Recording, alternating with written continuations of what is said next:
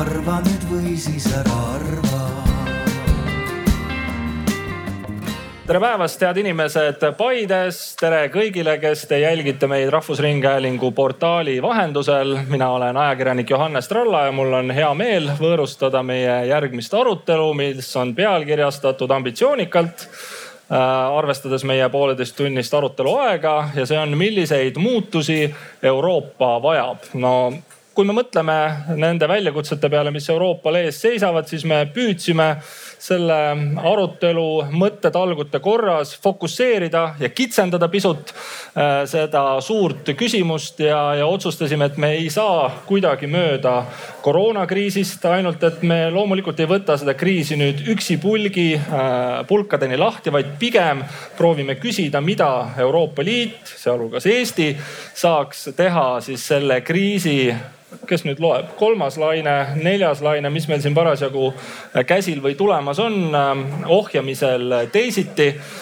Loomulikult ei saa me kuidagi mööda Euroopa Liidu iseenda sõnastatud suurest muutumisväljakutseks, väljakutsest, milleks on siis roheline pööre ja sellega koos äh, digipööre, mis on võib-olla Eestile väga südamelähedane.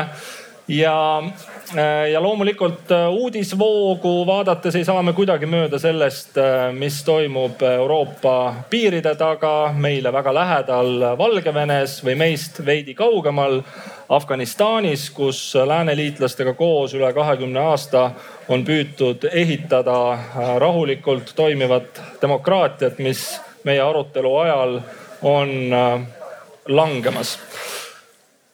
Ähm, head sõbrad, kõik te saate selles ähm, arutelus kaasa lüüa, kui te lähete aadressil slido.com või siis sli.do ja sisestate sinna oma küsimused. ma ei saa lubada, et ma jõuan küsida kõiki küsimusi, sest aega napib ja osalejad äh, on äh, suurepärased ja neid on arvukalt, seega ilmselt meil jututeemasid jagub aga lisaks sellele, et te saate Slidosse sisestada oma küsimused, on äh, meie tänane arutelu toimumas äh, siis äh, Euroopa tulevikukonverentsi raames. see on üks neid arutelude, üks neist aruteludest, mis peaks siis andma meile vastuse, millist Euroopat me tegelikult tahame. ja ka seal on teil võimalik kaasa rääkida, kui te lähete aadressil futureeu.europa.eu keeruline aadress, aga kui te guugeldate Euroopa tulevikukonverents, siis te leiate selle koha, kuhu te tegelikult saate panna kirja need ettepanekud, äh, millisena teie tahaksite tuleviku Euroopa Liitu näha mul on hea meel tutvustada selle arutelu osalejaid, kes tõenäoliselt tutvustamist ei vaja, alates Eesti Vabariigi presidendist Kersti Kaljulaidist. meiega on ettevõtte Grünfin asutaja Triin Hertmann, minu kõrval istub investor ja ettevõtja Sten Tamkivi tema kõrval omakorda TalTechi biorobootika professor ja teadusprorektor Maarja Kruusmaa.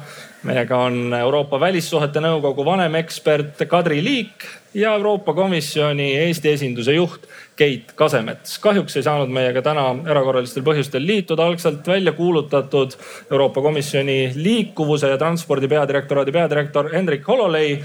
aga seltskond on erakordselt väärikas ja juttu jätkub kauemaks lugupeetud president, ma alustaksin teist. mil määral on koroonakriis ümber defineerinud need ühiskonnaelus osalemise vabadused, mida me oleme seni teadnud ja, ja kui kaugele me saame minna Eestis ja Euroopas vaktsineerimise nõude ja, ja piirangute seadmisega neile, kes, kes mingil põhjusel kaitse pookimisest keelduvad. kas mingid vabadused on ümber defineeritud? No ma arvan, et täiesti sõltumatult koroonakriisist, äh, siis ühes kohtuasjas, kus Tšehhi lapsevanemad kaebasid, et nad peavad oma lapsi vaktsineerima selleks, et saada lasteaiakoht, kohta on, on, on tehtud otsus, et, et see on okei. Okay et suurema kasu nimel selleks, et ühiskond oleks kaitstud raskete nakkushaiguste eest, on see, on see võimalik ja mõeldav, nii et siin ei ole tegelikult pikalt isegi vaja arutada. Äh, teine asi on nüüd, äh, nüüd see, et milliste viiside, meetodite ja millisel kiirusel me, me seda kõike teeme, aga ei ole ju mingi saladus, et äh, ka laste haiguste osas arstid peavad ikkagi ülioluliseks et, et üheksakümmend, üheksakümmend viis protsenti on, on lapsed vaktsineeritud, siis ei pääse kõik need koledused levima. et ei ole midagi teistmoodi ka selle viirusega mis puudutab üldse koroonat ja, ja Euroopa Liitu, siis mind hästi häirib, kui me teeme sellest eraldi poliitika, olgu siis ütleme siis tervishoiusammas või, või mida iganes, aga see ei ole põhjendatud. Euroopa Liidus on tervishoiuteenus nii nagu iga teine teenus vaba meil on olemas juba ajast aega, päris ammu on olemas direktiiv, mis, mis tagab selle, et tervishoiuteenuseid saaks piiriüleselt kasutada ja pakkuda.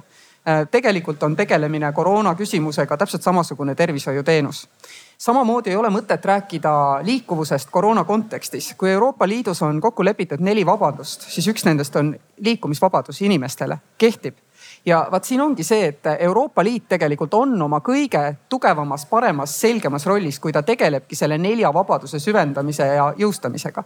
kõigi nendega on olnud probleeme koroonaviiruse äh, ajal, aga siis ei ole vaja mitte mõelda mingisugust uut kihti, kui vana kihi rakendamisega on olnud keeruline, vaid, vaid püüda ikkagi aru saada, et kus me eksisime nende nelja vabaduse tagamisel. ja Euroopa Liit lihtsalt teeb kõige paremini neid asju mida ta on kutsutud tegema, sest tal on selle kohta lepingus tugi.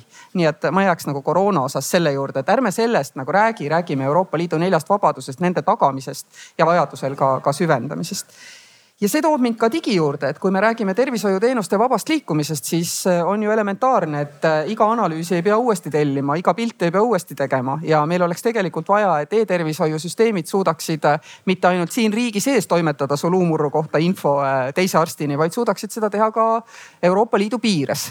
selle jaoks on meil mitmeid tööriistu olemas, näiteks EIDAS, mis siis võimaldab erinevaid digiallkirju omavahel siduda ja turvaliselt seda infovahetust korraldada et äh, see on üks eeldus, mis on loodud ja teine eeldus, mis muidugi tuleneb sellest koroonakriisist, on see, et nüüd on inimesed siis harjunud, et, et, et tõepoolest, et mingisugune infovahetus saab toimuda ja vastu kõiki ootusi on üsna kiiresti ka üks kiht infovahetust loodud, eks ole, Euroopa Liidus, mis tegeleb just nimelt täpselt selle tervise küsimusega. seda trummi saab edasi taguda ja siit saame me lõpuks jõuda sinnani, et ka, et ka digiteenused jällegi taaskord, see ei ole midagi uut, teenuste vaba liikumine on meil ammu kokku lepitud, et see ulatuks siis ka digimaailma, eks ole nüüd on minu arvates Euroopa Liidu äh, kaks kõige suuremat äh, väljakutset. Täna on see, et kuidas siis see asjaolu, et me oleme nagu maailma suurim ja jõukam turg, panna nii meie enda ühiskondade hüvanguks tööle kui ka globaalselt. ja vot siin on nagu see koht, kus tegelikult Euroopa Liidul on äh, võimalus päästa maailma.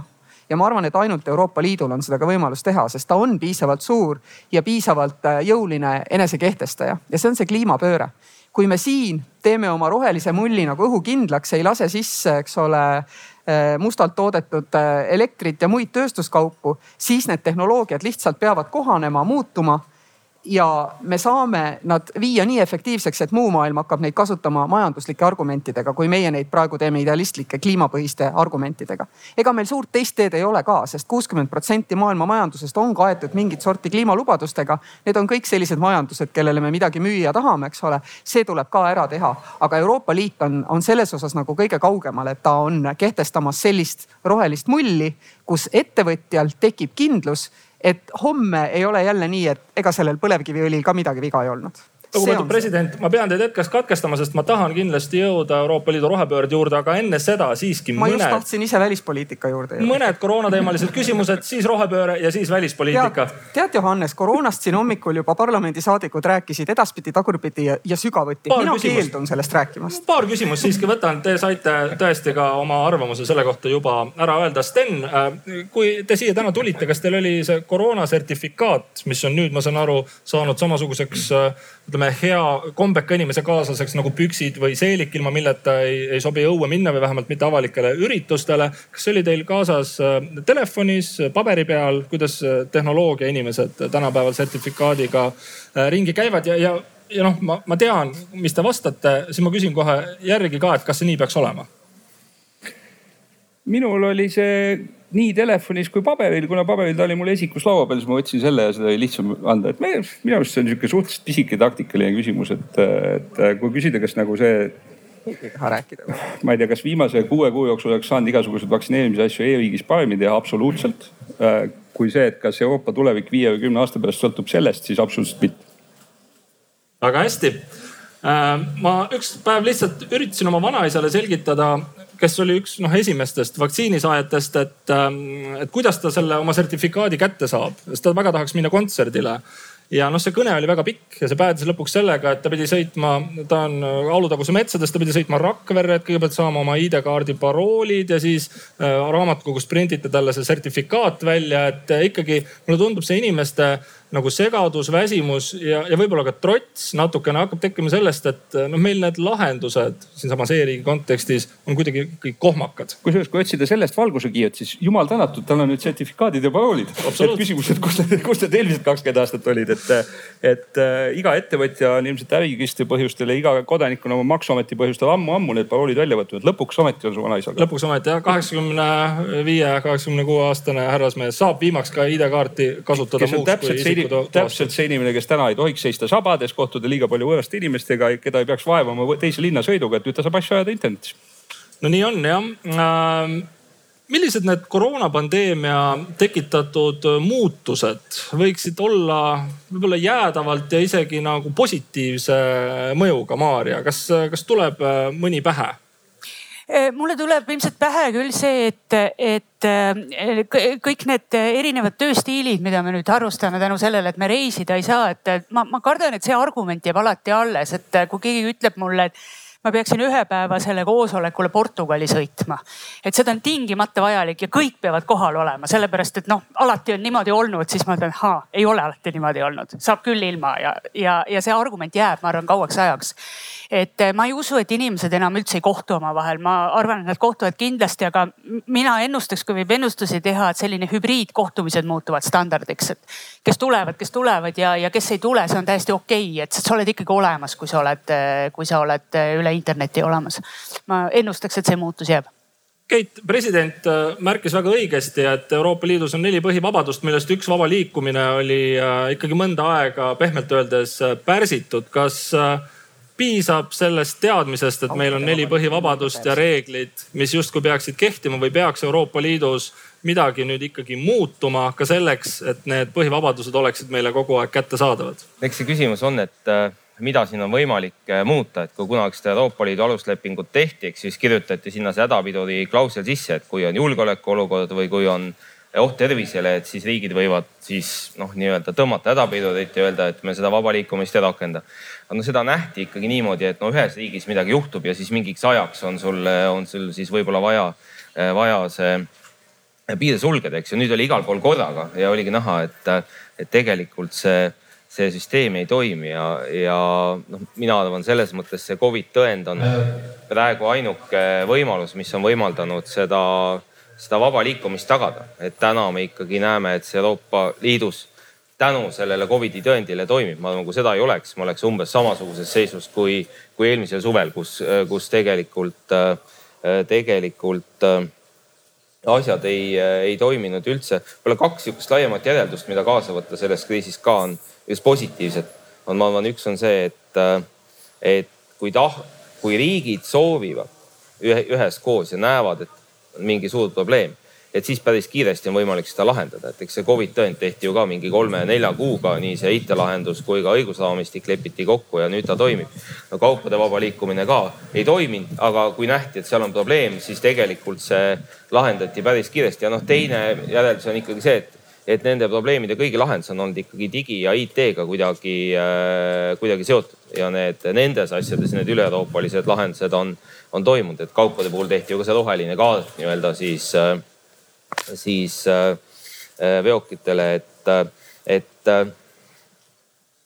see asjad liiguvad edasi siis, kui, kui nähakse, et on, noh, kõik näevad, et nii peab minema, et tegelikult see on ka kliima jaoks, ma arvan, oluline tähelepanek tule, tulevikus, et kui see ühtne soov on olemas, siis, siis saab nagu asju liigutada õiges suunas. aga ma ütlen ka seda, et mina olen optimistlik ja arvan, et see ikka on väga ajutine, et need neli põhivabadust ilma mingi suurema muutuseta aluslepingutes või mingites, mingites õiguslikus raamistikus ikkagi hakkavad jälle toimima siis, kui see pandeemia on, on läbi.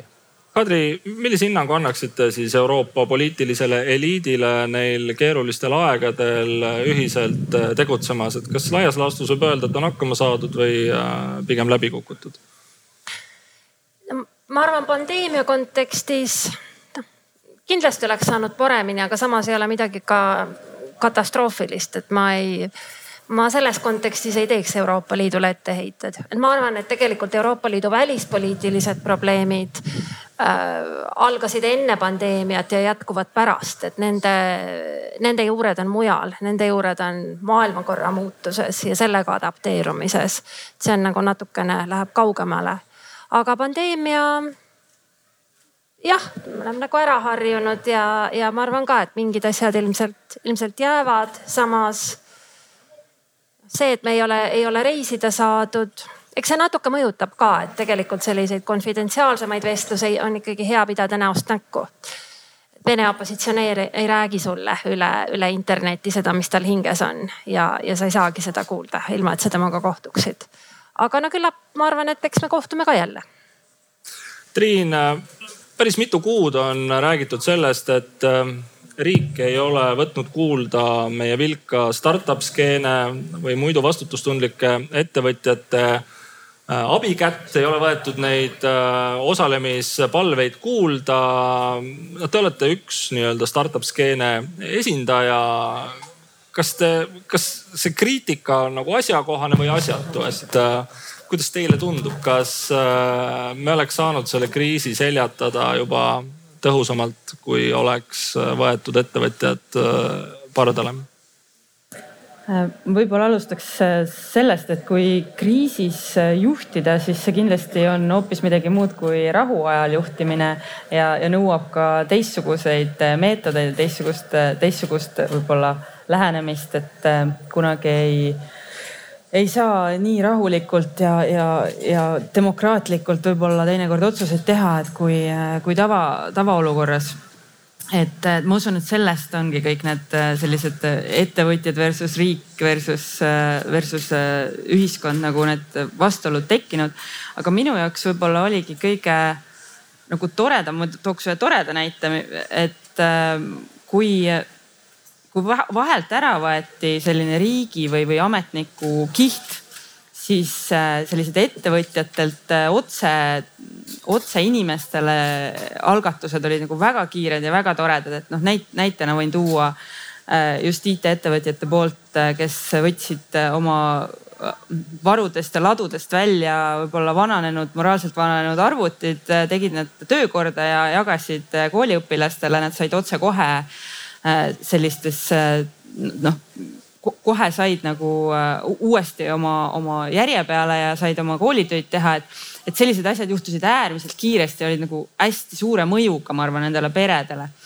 Et kindlasti on neid näiteid hästi palju, et kus, kus ettevõtjad on suure, suure hurraaga nagu abi pakkunud, samas see põrkub kuskile bürokraatiasse, et, et just võib-olla õppimiskoht on see, et mis, mis järgmine kord nagu teisiti teha, et järgmine, et võib-olla see, see praegune koroonakriis ongi nagu õppetund selleks, et kuidas me nüüd selle kliimakriisiga siis teinekord nagu paremini hakkama saaksime, et kui, kui see maja põleb, et siis noh, igaüks ise oma topsiga kustutama minna nagu ei ole mõtet, et, et kuidas seda koordineerida paremini.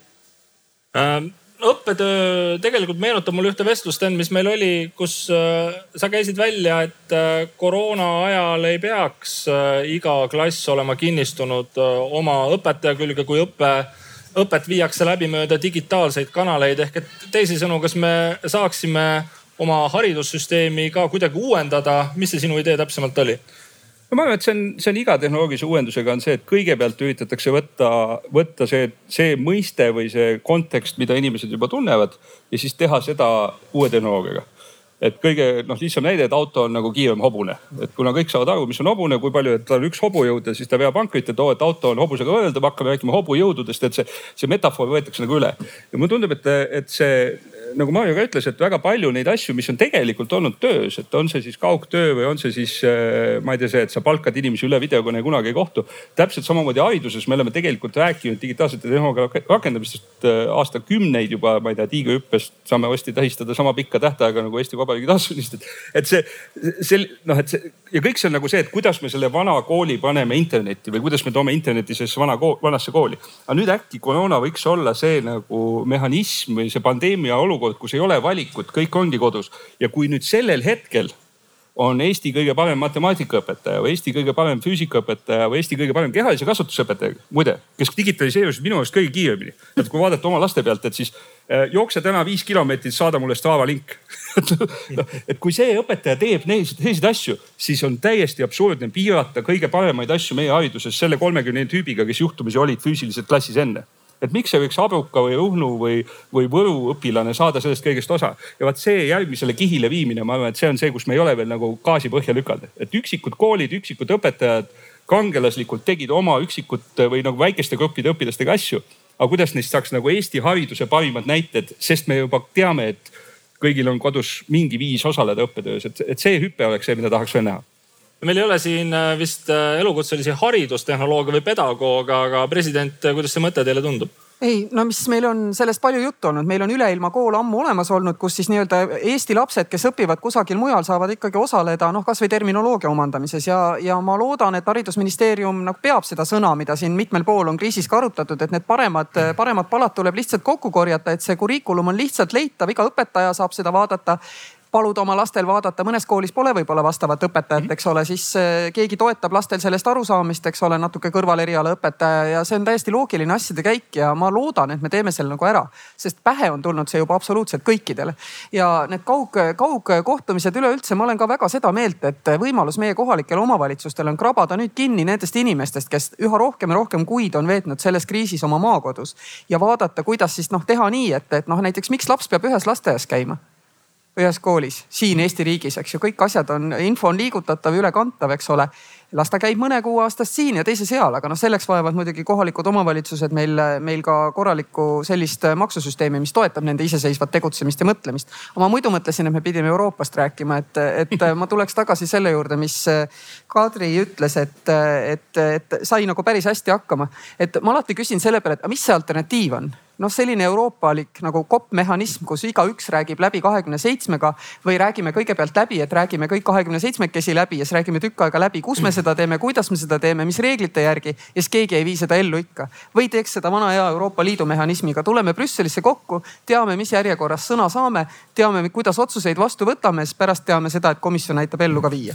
et no mulle nagu tundub, et lihtsalt alternatiivi vaadates päris hästi saadi ja välispoliitika osas on paratamatu, Euroopa Liidul ei ole ühtset välispoliitikat see võis jääda, kui äh, kõrge esindaja oli Federica Mogherini siis võis jääda selline mulje, et tänu sellele tema ja Natalja Totsi loodud strateegiale, et Euroopa Liidul justkui on mingi ühtne välispoliitika, aga tegelikult ju ei ole, eks ole, et see, see ei saagi olla, sest et äh, meil ei ole lepingus seda kokku lepitud, see ongi igakordse veenmise, ühekordse otsuse nagu küsimus. et see on päris hea võrdlusmaterjal, kui me mõtleme, et kas Euroopa Liiduga või Euroopa Liiduta me jõuame välispoliitika juurde kohe põhja, põhjalikumalt, aga lähme siis selle rohepöörde ja digipöörde kallale. no koroonakriis tegi vähemalt lühiajaliselt ära osa selle rohepöörde eesmärgist, kui me räägime transpordisektori ja eeskätt lennunduse CO2 heitme vähendamisest. autod ja lennukid seisid parklates aga kas me oleme tegelikult ka valmis oma elustiili muutma ja, ja kuivõrd rohepööre seda ikkagi tegelikult nõuab nüüd olukorras, kus vaba liikumine võiks olla jälle taastatud, Triin?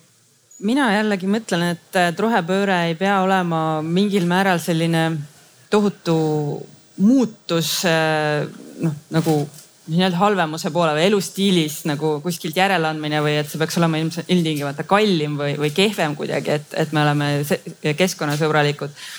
et noh, minu võib-olla see selline spetsialiteet on rohkem selles finantsturgudel ja finantsis, et, et noh, mina näiteks näen tohutut liikumist nagu raha liikumist rohepöörde poole. et äh, rohefondid, roheinstrumendid, see raha, mis sinna liigub, mõjutab tohutult nagu kogu kaubandust, kogu majandust. ja, ja see liikumine toimub noh, iga aastaga kahekordistunud viimased neli aastat ja, ja näiteks ka ma näen nagu startup'ide poole pealt seda, et seal nähakse nii palju uusi võimalusi ja kui näiteks eelmisel aastal äh, sellistesse clean tech ettevõtetesse äh, liikus äh, kuskil neli, neli pool miljardit euro, eurot Euroopa Liidus, siis selle aasta poole aastaga on juba seitse miljardit liikunud ehk et, et see nagu see suur laine tuleb iseenesest ja ta võtab nagu meid kõiki kaasa ja noh, kõik, kes üritavad nagu vastuvoolu ujuda, minu hinnangul jäävad, jäävad hätta ja see ei olegi tegelikult üldse mingisugune äh, noh nagu nii-öelda raskem või, või, või, või, või selline tülikam, vaid see ongi selline suur muutus, mis on täiesti tore ju lõppkokkuvõttes, ega meil muud valikut ka ju ei ole no tore ta on, aga nõuab ka üsna palju raha. Sten, kuidas sulle tundub, kas äh, eurooplased on tegelikult valmis oma elustiili kohendama või ka teatud teenuste või teatud äh, ütleme ressursside eest lihtsalt rohkem maksma, sest need investeeringute raha, see peab ju kuskilt tagasi tulema see rohkem maksmine on ka see lihtsalt see, et me, me peame muutma seda, kuidas me kulusid arvutame. et see, et sa tahad, ma ei tea, odavamalt teha mingisuguse ma ei tea, neli miljonit kruvi, kõrval mingi külatäis inimesi sureb, sest jõgi on reostunud, noh et see ei olnud nagu odav kruvi see, see on sihuke, sihuke natuke vanakooli värk, et, et rahaliselt ma arvan, et siin on üldse kõikides nendes Euroopa teemades üks asi, mida ma tahaks teha, et me võiksime nagu korra nagu tõmmata ennast planeedi tasandile. et õudselt lihtne rääkida Euroopast, et kuidas Euroopa mõjutab Tallinnat aga kui vaatad tegelikult, et äh, planeedi seisukohast ja kliima kindlasti on üle planeedi teema, siis on tegelikult küsimus selles, et kuidas käib ikkagi see nagu USA, Hiina, Euroopa teljel mingisugune jagunemine mäng ja seal äh, rääkides odavusest, et siis kui me täna ise ei investeeri nendesse tehnoloogiatesse, kui Euroopa ettevõtjad, kui Euroopa ülikoolid ei uuri neid teemasid, kui Euroopa ettevõtjad ei ehita neid ägedaid firmasid, siis mida me teeme, on see, et me ostame need tehnoloogiad USA-st või Hiinast tõenäoliselt poliitilistel põhjustel, seepärast ma ei tea, Hiinast ostetud asjal on mingisugused lisamõjud näiteks ja, ja tehes, investeerides nendesse valdkondadesse Euroopa sees, äh, tähendab see seda, et juhul, kui me läheme oma elektriga puhtamaks või juhul, kui me paneme kuhugi uue päiksepaneeli või juhul, kui me teeme mingisuguse sihukese kliimast ajendatud liigutuse see kohapeal tootes loob see kohalikke töökohti, jätab raha kohalikku majandusse ja kui me teeme maailma parima toote, siis meie müüme seda välja, siis Lõuna-Ameerikas ja Austraalias ostetakse seda. et tegelikult see paneb nagu, äh, paneb nagu see majandus hoopis teistpidi käima ja tege-, noh, täpselt nii nagu Eestis, samamoodi ka Euroopa tasandil.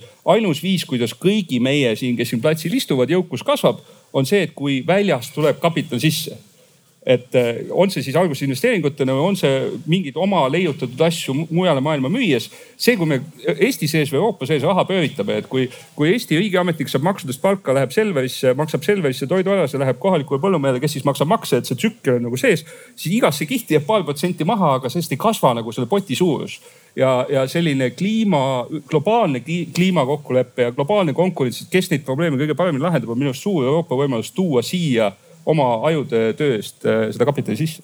Maarja, kas äh, see Euroopa tellimus, kuidas me siis seda võiks nimetada, või see uus narratiiv, mis äh, see rohepöördega kehtestati, on miski, mis Euroopa teaduse ja innovatsiooni paisu tagant lahti päästab, sest miskipärast me ikkagi oleme harjunud ju mõtlema, et noh suur innovatsioon, suur tehnoloogiline areng, see pigem toimub kas seal Aasia või USA pool ega Euroopa teadust ei ole vaja kuskilt paisu tagant lahti päästa. Euroopa teadus on äh, heal tasemel, vaata et kõige paremal tasemel maailmas, et Aga probleeme on veel innovatsiooniga pigem ja et, äh, et ma usun, et äh, just kui puudutab passi teadusprojekte, siis tegelikult meil on nüüd aastakümnete pikkune kogemus, kuidas Euroopa teadlased oskavad suurtes konsortsiumites koos väga kompleksseid probleeme lahendada, et, et ma arvan, et ma, ma tean, et, et me oleme Euroopas sellest ammu aru saanud, et sedasama komplekssete probleemide lahendamist eh, suurtes konsortsiumites me peame hakkama sinna innovatsiooni poole kiiremini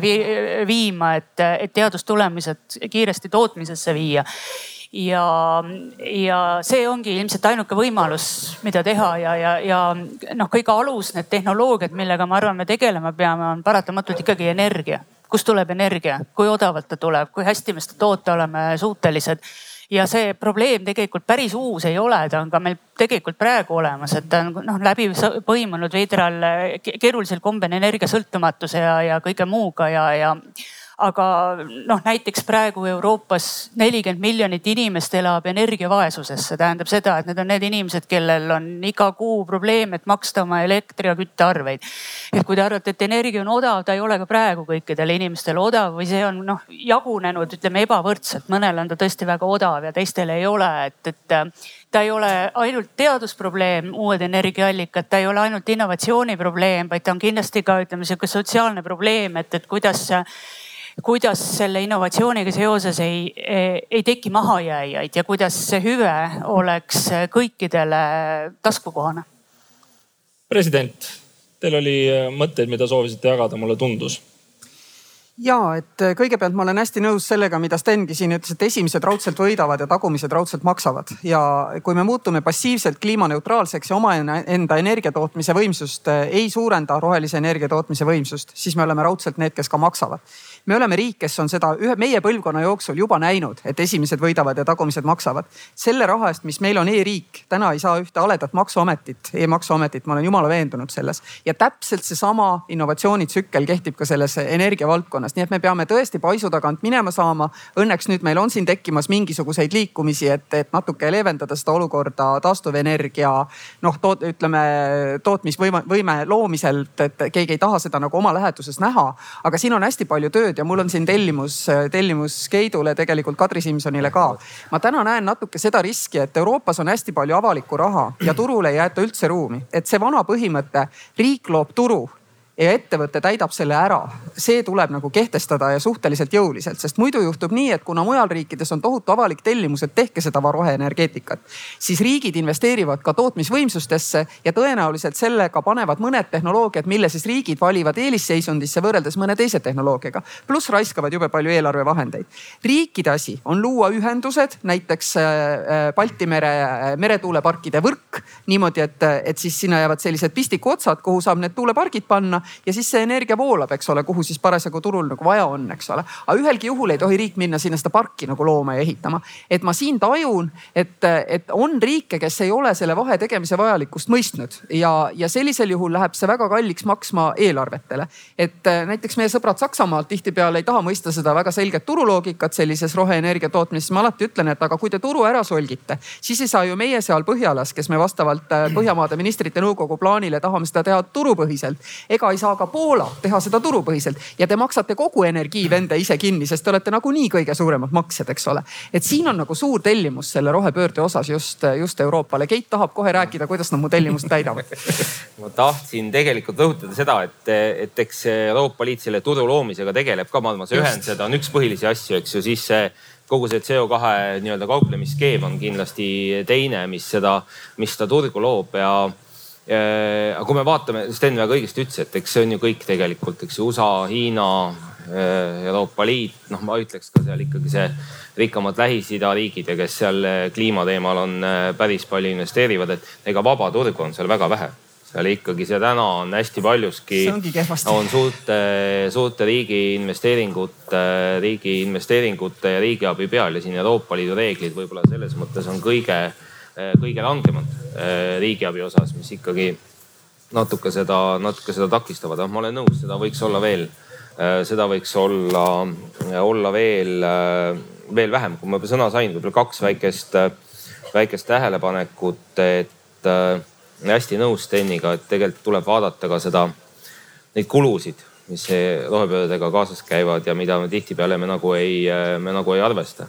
ja üks poliitika kujundamises seda seda saab tähele panna, noh kahjuks inimestele, kes ei suuda oma äh, energiaarveid maksta, et nendele jälle see ei lähe nagu nii väga korda, et, et, et kui praegu pärast seda, kui see komisjoni pakett välja tuli, kui jälgida, et mis on kõige suuremad mured erinevates riikides, siis kahtlemata see nii-öelda energiavaesuse teema ja see, et ikkagi kui palju äh, just selles lühiajalises perspektiivis, noh siis need kulud inimestele võivad kasvada. sellepärast puudutab... tegitegi social climate fund'i. ja sellepärast jah, äh, komisjon tegi social, no veel ei ole teinud, tegi ettepaneku no, no, luua social climate fund jah, et, äh, et mis siis peakski toetama äh, siis neid vähem hakkama saavaid leibkondi, et, et see on tegelikult hästi suur, suur teema, sest lühiajaliselt nii energeetikas kui ka transpordis see ikkagi võib Äh, mingisuguse hinnatõusu äh, kaasa tuua, aga noh, kahtlemata ma arvan, täna Eestis ka see peamine teema ei ole kuidagi see investeeringute või rahapuudus. ma arvan, meie teema rohkem on see, et kuidas neid olemasolevaid vahendeid, mis tõesti tulevad erinevatest finantsinstrumentidest väga, äh, väga palju praegu ja Euroopa Liidu eelarvest või kasvõi meie sellest enda Eesti riigi kvoodimüügist, et me ju iga aasta Eesti riik, kuna me oleme kokku hoidnud üheksakümnendaga võrreldes, müüme kvooti vist selle aasta eelarvest sada nelikümmend kaks miljonit, et äh, eks ka küsimus on, mis sellega teha ja et kas see nüüd jagada nagu pensioniteks laiali või äkki, äkki tehagi niisuguseid asju, et investeerida juba siis sellesse, et, et ettevõtted oleks konkurentsivõimelised.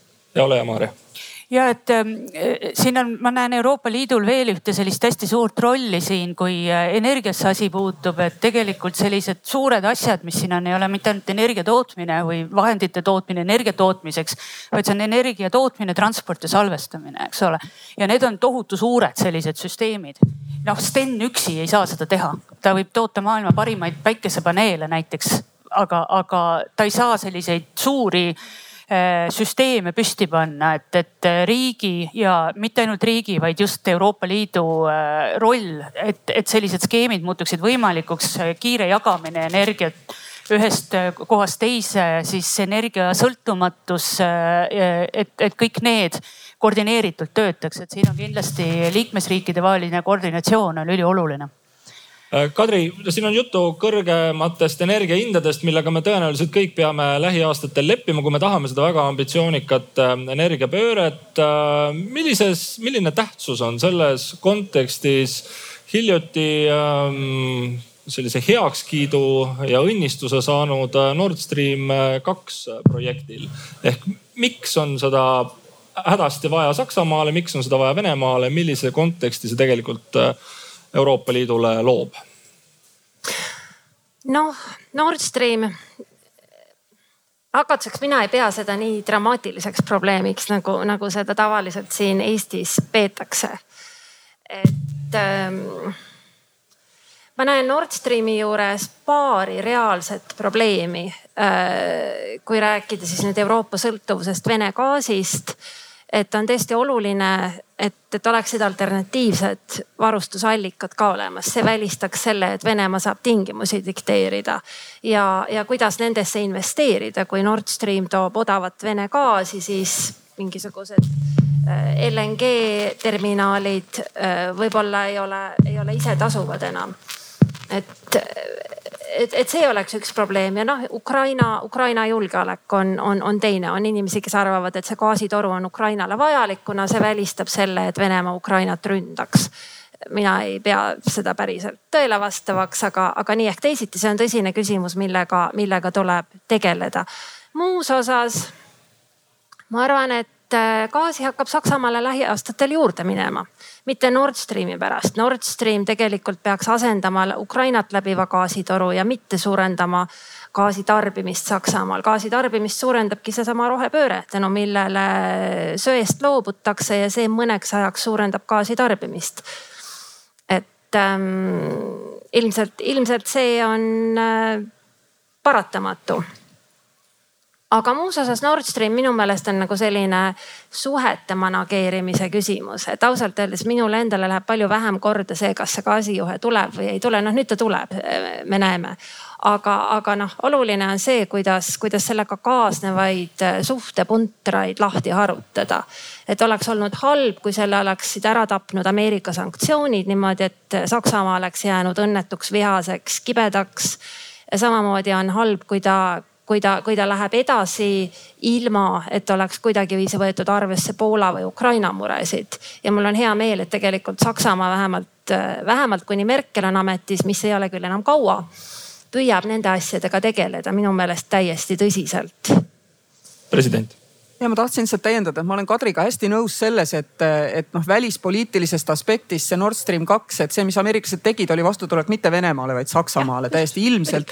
ja tõepoolest äh, neid efekte, mis, mis sellega võivad kaasneda energiaturul, et, et kui kaks tuhat viiskümmend ei tohi üldse CO2 emiteerida ja gaasi kasutamisel emissioonid jäävad Euroopa Liitu, siis on see ajutine mure nagunii, eks ole, nii ja samamoodi ajutine võit Ukraina jaoks, eks ole aga, aga küll aga on see gaasi, gaasijuhe mingis mõttes, kuna ta on vahetsükli kütus, siis tuleb nüüd teha need vahetsükli investeeringud, mida näiteks Euroopa Investeerimispank keeldub rahastamast, kel, millel muide on sakslasest juht, eks ole aga, aga, aga need vahetsükli investeeringud noh, ütleme säilib tahe neid mõnevõrra kauem nagu tagasi teenida ja kogu aeg säilib risk, et otsustatakse, et gaas on ka nagu peaaegu puhas kütus, sest ta on puhtam kui süsi. et see on see risk, mis sellega kaasneb tegelikult, et kui, kui praegu teha väga palju investeeringuid, mis põhinevad gaasil, siis ei saa neid kahe tuhande viiekümnendaks lihtsalt nagu välja sellest portfellist, see on see risk tegelikult me oleme juba vist üle kümne aasta rääkinud sellest, et andmed on uus nafta. võib-olla siis ka sellest gaasiteemast äh,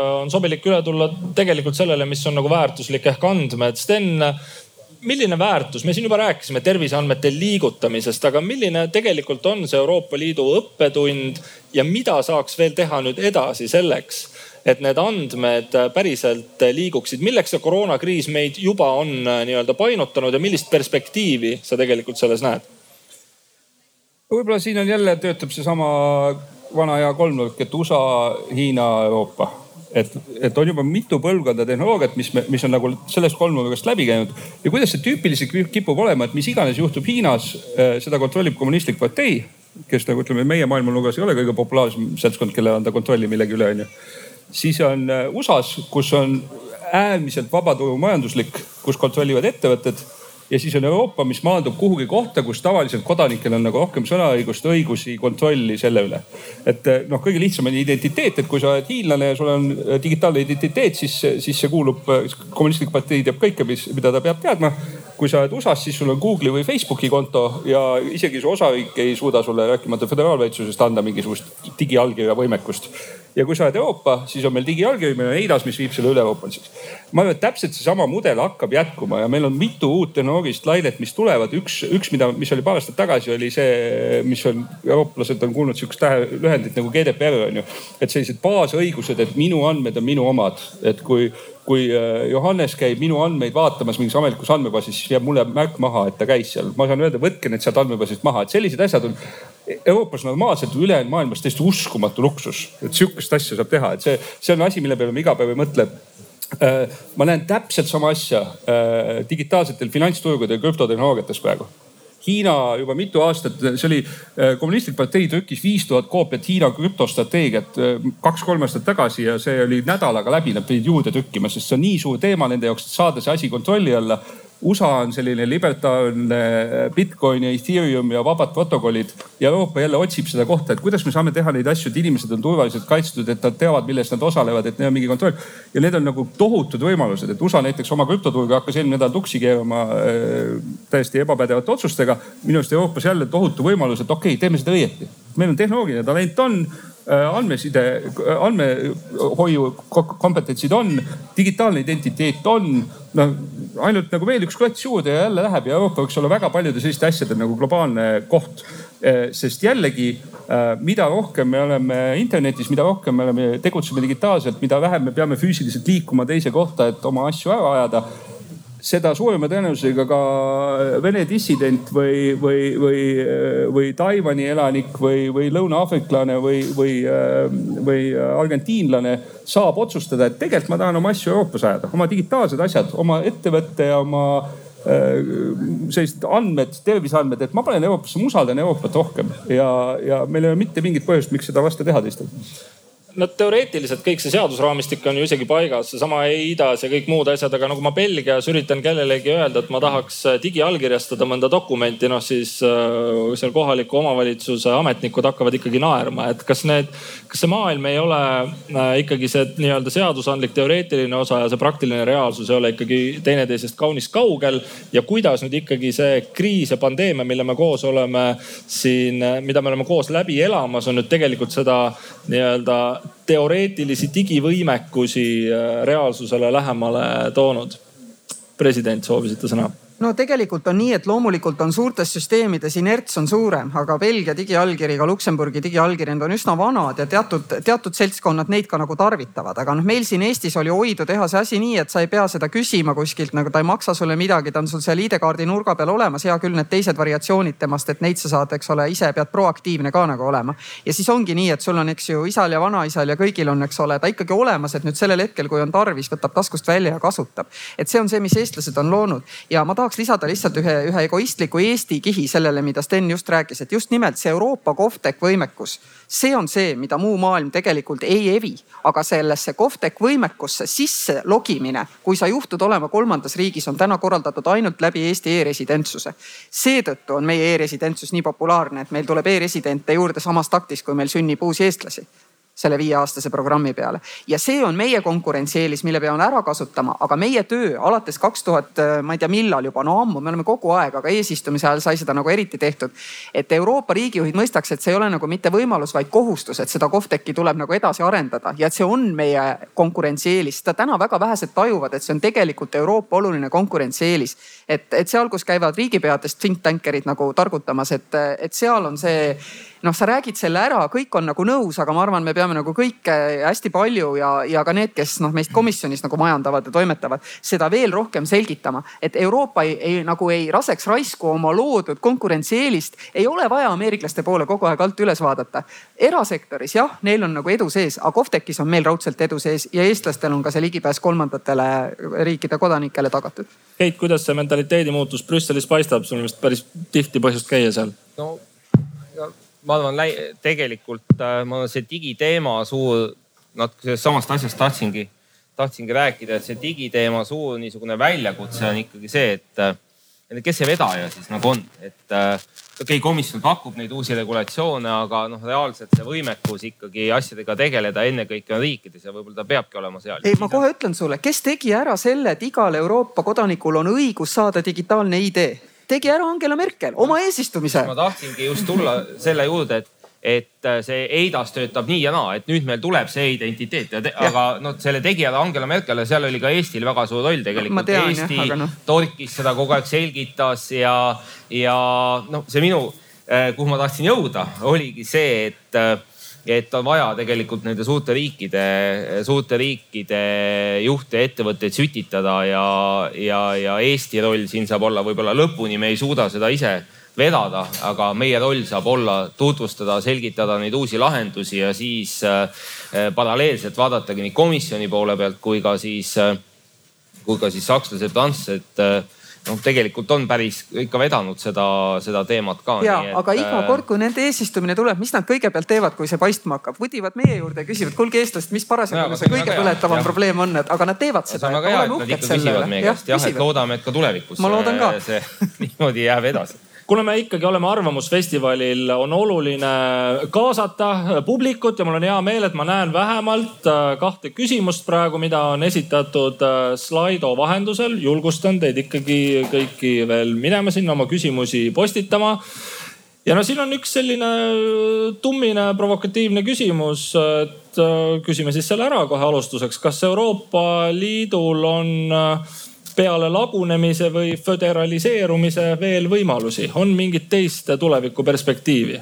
no presidendile annan võimaluse seda vastata. võib-olla Keit on rohkem nõusutanud, kuidas lehkab sealt seestpoolt, aga ma küll ütleksin, et, et taaskord, mis see alternatiiv siis on? et hakkame nagu igas küsimuses läbi rääkima ükshaaval või hakkame igas küsimuses tulema kokku eri reeglite alusel, eri, erinormatiivselt ja katsuma siis nagu kuidagi oma asju siin Euroopas korraldada. Öelge mulle üks valdkond, kus seda niimoodi oleks nagu parem teha ei ole selliseid valdkondi, et noh, minu, minu tees on olnud ja keegi ei ole see, ükski sündmus ka ei ole seda nagu ümber lükanud. et jah, iga kord, kui on mingisugune noh, erakorraline sündmus, eks ole, siis kaotavad esimene, et kõik pea ütlevad oi-oi-oi, Euroopa mehhanism nüüd siin nagu ei toimi, ei tööta. aga pärast leitakse ikka lahendus. aga lahendus leitakse sellepärast, et siis lendavad ikkagi kõik sinna Brüsselisse ennem Justus Lipsusesse nüüd suurde munasse kokku, istuvad seal ja mõtlevad seda lahendust. Neil on turvaline keskkond ja koht, kuhu nad alati tulevad. Nad teavad kes noh, kuidas seal sõna saab. meie suveräänsus on seal kõvasti võimendatud, sest meid on nagu üks neljasajandik Euroopa rahvastikust, aga seal on üks kahekümne seitsmendik, eks ole. ja me teame, et me peame omavahel selle asja selgeks arutama ja meil on see turvaline seadus ja õigusruum, mis on selleks loodud. ma ei ole näinud, et, et, et üheski kriisis oleks olnud vajalik sellest väljuda, sest ka ESM, mis põhimõtteliselt ei ole siis Euroopa stabiilsusmehhanism, mis põhimõtteliselt ei ole nii-öelda lepingu osa, vaid on sellest nagu väljas seisev, eks ole. ka see ikkagi leiti lõpuks selles raamistikus üles, et kuidas me saame teha koostööd, kui mitte kõik ei tee seda seda koostööd ja see ei ole ka lepingu järgi, eks ole, täpselt ette nähtud. ja selliseid, selliseid lahendusi kindlasti on alati võimalik leida Euroopa Liidu kontekstis. aga Euroopa Liit on rahvusriikide liit ja mitte keegi ei ole teinud ettepanekut seda ära muuta. Kadri, kas äh, olukord on nii mustvalge dramaatiline, kas födera-, föderaalne liit või lagunemine? ei ole, ma arvan, ma olen täiesti nõus presidendiga, et äh, noh Euroopa Liidu riigid on kõik väikesed riigid maailma mastaabis ja kui me tahame suurtes asjades kaasa rääkida, siis ainus võimalus on teha seda koos. britid ei saanud sellest päris hästi aru, ma arvan, et küll nad, küll nad veel saavad. teistel enam-vähem on mingisugune selline taipamine olemas, et, et meil ei ole nagu tõesti mingisugust, mingisugust muud võimalust. aga noh, samal ajal loomulikult, et selline improviseerimine jääb Euroopa Liidu osaks, et igale uuele probleemile hakataksegi otsast peale lahendust otsima, kui ei ole paika pandud äh, mehhanisme sellega tegelemiseks. see võib vahepeal näha välja natukene kohmakas, natukene rumal, tehakse mingeid vigu, aga, aga noh, see on minu arvates üsna, üsna, üsna loomulik, et selles mõttes ma Euroopa Liidu tuleviku pärast küll ei karda aga noh, samas ma arvan jah, et selline pidev adapteerumine äh, üha uute oludega on, on, on, on kindlasti protsessi vältimatu osa. Ja noh, eriti välispoliitikas, et välispoliitikas Euroopa Liit sai ikkagi välispoliitikas tegijaks või vähemalt sõnastas selle ambitsiooni sellel ajal, kui Euroopa Liidu normid ja väärtused maailmas laienesid ja praegu toimub vastupidine protsess, praegu see kõik äh, tõmbub koomale. ja meie jaoks tähendab see sellist põhjalikku adapteerumist üldsegi täiesti uuele olukorrale maailmas ja me ei oska seda hästi teha. oma nagu reeglite ja normide levitamine on olnud meie välispoliitika põhisisu ja me ei oska hästi haakuda maailmaga, kes ei taha neid vastu võtta. aga noh, ma arvan, et küllap me õpime seda ka, mis meil muud üle jääb enne veel, kui me läheme välispoliitika väljakutsete juurde, tuletan lihtsalt meelde, hea publik, kes te olete siin või, või kusagil kaugemal ja jälgite meid otse striimi vahendusel, et äh, kui te lähete Slidosse ja tahate küsida, siis te peate sisestama märksõna sinu tulevik. see on kokku kirjutatud ja siis te saate küsida äkki see ärgitab veel mõnda inimest oma küsimust postitama, aga küsin veel ühe küsimuse. väga ähm, ütleme provokatiivne ja eksistentsiaalne. Äh, Maarja on öelnud, Euroopa ei ela üle veel üht majanduskriisi, kui enne seda ei viida lõpule majandusliitu. millal valmib majandusliit, Keit? ma arvan, see kriis pigem just näitas ka seda, et äh, et majandusteemadel võib-olla isegi Euroopa Liit sai kõige paremini selle, selle kriisiga hakkama, et pigem need mured nagu tekkisid, tekkisid just nendes valdkondades, kus Euroopa Liidul erilist pädevust ei ole nagu, nagu tervis ja, ja, või siis kus tõesti õiguslikke hoobasid ei ole, et, et majanduse poole pealt ma arvan, oldi, oldi päris kiired. Ja eks Euroopa Liit äh, ikkagi niimoodi toimibki tõesti, et et läbi kriiside tuleb siis uus, no niisugune uus koostöö. no kas see oli see finantskriis, kus tegelikult ju tuli nii-öelda uus panga, pangaliit ja väga palju uusi eelarveregulatsioone. see rändekriis, mis nüüd on ka otsast natuke Valgevenega seotud, eks ju, kus siis, kus siis väga palju tegeleti Frontexi tugevdamise ja kõige selle asüüli nii-öelda reeglistikuga, mis on ka palju parem. Ja eks nüüd on, nüüd on äh, samamoodi, et pigem nagu tervisevaldkonnas. Ja küll siis järgmine kriis tuleb mingis järgmises valdkonnas ja sellega ma arvan, saab, saab Euroopa Liit hästi hakkama, et föderaliseerumisest muidugi on tõesti asi kaugel, nagu president ütles, et mingeid väga suuri põhimõttelisi muudatusi tegelikult liikmesriikide ja Euroopa Liidu vahelises pädevuses ikkagi ikkagi ei ole olnud viimasel ajal pärast seda viimase aluslepingu muutmist ja ei ole näha ka, et kuskilt väga tuleks. ma arvan, et isegi mitte asi ei ole rahvaste või poliitikute tahtes, aga noh, suudate keegi siin üle nimetada nagu ühe probleemi, millega Euroopa Liit täna tegeleb, eks ole. mille, mille lahendaks föderaliseerumine no ei ole, see ei ole mitte kunagi ei ole pudelikael see, et meil on rahvusriikide liit. aga minu meelest Euroopa Liidul oli selles äh, viimases kriisis nüüd ma mõtlen siin äh, kroonviirusest tingitud äh, majandus, majandusvõbelusi, üks üsna oluline roll näidata maailmale, et protektsionism ei tööta ja ka ise seista selle eest, et protektsionism nagu ei muutuks selliseks noh, põhiliseks paradigmaks. Euroopa Liidus saadi kiiremini kui mujal aru, et kui üks istub adjuvandi ja teine istub viaali peal, siis ei saagi vaktsiin mitte kuskil kokku. ja sama, sama kehtis ka tegelikult siin kõigi need kõik need maskid, ventilaatorid, kõik see teema, et niipea kui esimest ehmatust saadi üle, tuldi, nina tuli vee peale, said kõik aru, et vaba turg lahendab meie jaoks selle asja ära umbes poole aasta kuni aastaga ja ta seda ka tegi. ehk et kui turul lasta toimida, siis ei ole kellelgi puudust ei maskidest, ventilaatoritest ega vaktsiinidest. muidugi kehtib see kahetsusväärselt nagu rikka osa maailma kohta see ühe aasta kriteerium, teistel ilmselt võib see olla viis aastat, eks me saame näha. aga, aga ta siiski kehtib ja see on olnud Euroopa Liidu tegelikult majandusele, maailma majandusele noh nagu suur kingitus või suur panus minu arust selles kriisis no publikult küsimusi tuleb, mul on hea meel. anonüümne küsija küsib, kuidas Euroopa Liit elab üle väärtushinnangute kriisi ja erinevused, mis liikmesriikide vahel aina süvenevad. no Sten, oled jälginud neid erinevusi väärtushinnangutes murelikult või, või pole asi tegelikult nii hull? vot see on üks koht, kus ma tunnen, et või võib-olla see, see on üks koht, kus nagu Euroopa tasandi asju vaatan väiksema moega kui, kui sihukese Eesti külatasandi asju. et stiilis, et mis juhtub Facebooki chatis vaktsineerimise või mitte vaktsineerimise ajastul, kui üritatakse korraldada külasimmanit, on nagu traagilisem minu arust kui see, mis ma ei tea, millised on Brexiti argumendid, on ju. aga võib-olla seesama argumentatsioon käib igas külas lihtsalt ja nii need äh, erinevused väärtushinnangutes Euroopa Liidu üles. ei, seal ma arvan, seal ma arvan just vastupidi on see, et need, need, need maailmad tunduvad nagu väga lahus olevat, et, et see, see, mis on nagu inimestel meelel ja keelel ja mujal äh, nagu oma igapäevaelus, et nad, ma arvan, et mõtlevad väga vähe selle peale, mis on, mis on eelis elada Euroopas, mitte Venezuelas et äh, kus see väärtuskonflikt võiks olla nagu oluliselt sügavam, et noh, tegelikult taandub see kõikide samade asjade mingisugune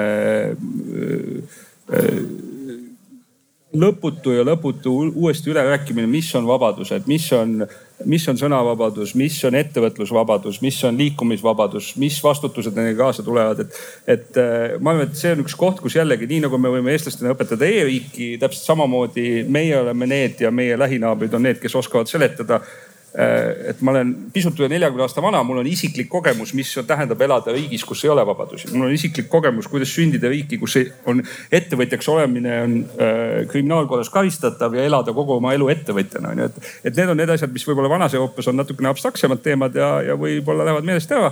ja kui nad meil siin meelest lähevad aeg-ajalt, äh, kui toimub sihukest, sihukest nagu vabaduste üle vaidlemist täiesti nagu teise teisest möödarääkimise kontekstis ja neid teemasid läbi arutada ja karjutaks üksteise peale. kujuta ette, et noh Euroopa raames, kuidas see saab koos püsida. Keit, president, soovite lisada? Ma lihtsalt olen palju mõelnud viimasel ajal selle peale, ütlen ainult ühe lause, et eh, jube vastikud ja valusad olid need vaidlused vabaduste üle, mis näiteks puudutas vähemusi ja mis on lõpptulemus? Eesti inimesed otsustasid, et las need vabadused olla. õudselt vastik vaidlus oli, tulemus täna, eks ole, ma ei ütle, et küll on tore, et meil selline arutelu nagu oli, aga me tegelikult ei liigu suletuse poole tagasi, kui me nagu hakkame päriselt nende asjade peale mõtlema. ma tahtsin ka nagu pigem öelda seda, et, et see väärtuslik kriis, noh, et kas ta on täna nii tugevalt nagu Euroopa Liidus olemas, et minu arvates pigem ka kõik need kaks viimast aastat pigem on näidanud seda, et mingi see, see ühtne arusaam ja see ühtne ruum ikkagi on nagu olemas ja eks siin on muidugi vabaduste osas teatud kompromisse on, on tehtud, aga see on olnud, see on olnud paratamatu, et ma ei näe jah, et see oleks täna niisugune suur Euroopa Liidu nagu põhiteema, et võib-olla mõnede riikide valitsused seda nagu proovivad võimendada, aga see ei ole, ma arvan, noh, niisugune, et nüüd äh, tullakse kokku ja kogu aeg on mingid suured väärtuspõhised äh, niisugused äh, kokkupõrked riikide vahel, et ma praktiliselt seda tegelikult üldse, üldse ei ole näinud, et pigem just seesama ütleme avatus, demokraatia, sõnavabadus, et need on ju olnud teemad, mida on ikka proovitud hoida selles Äh, selles kriisis kogu aeg ka ja ütleme,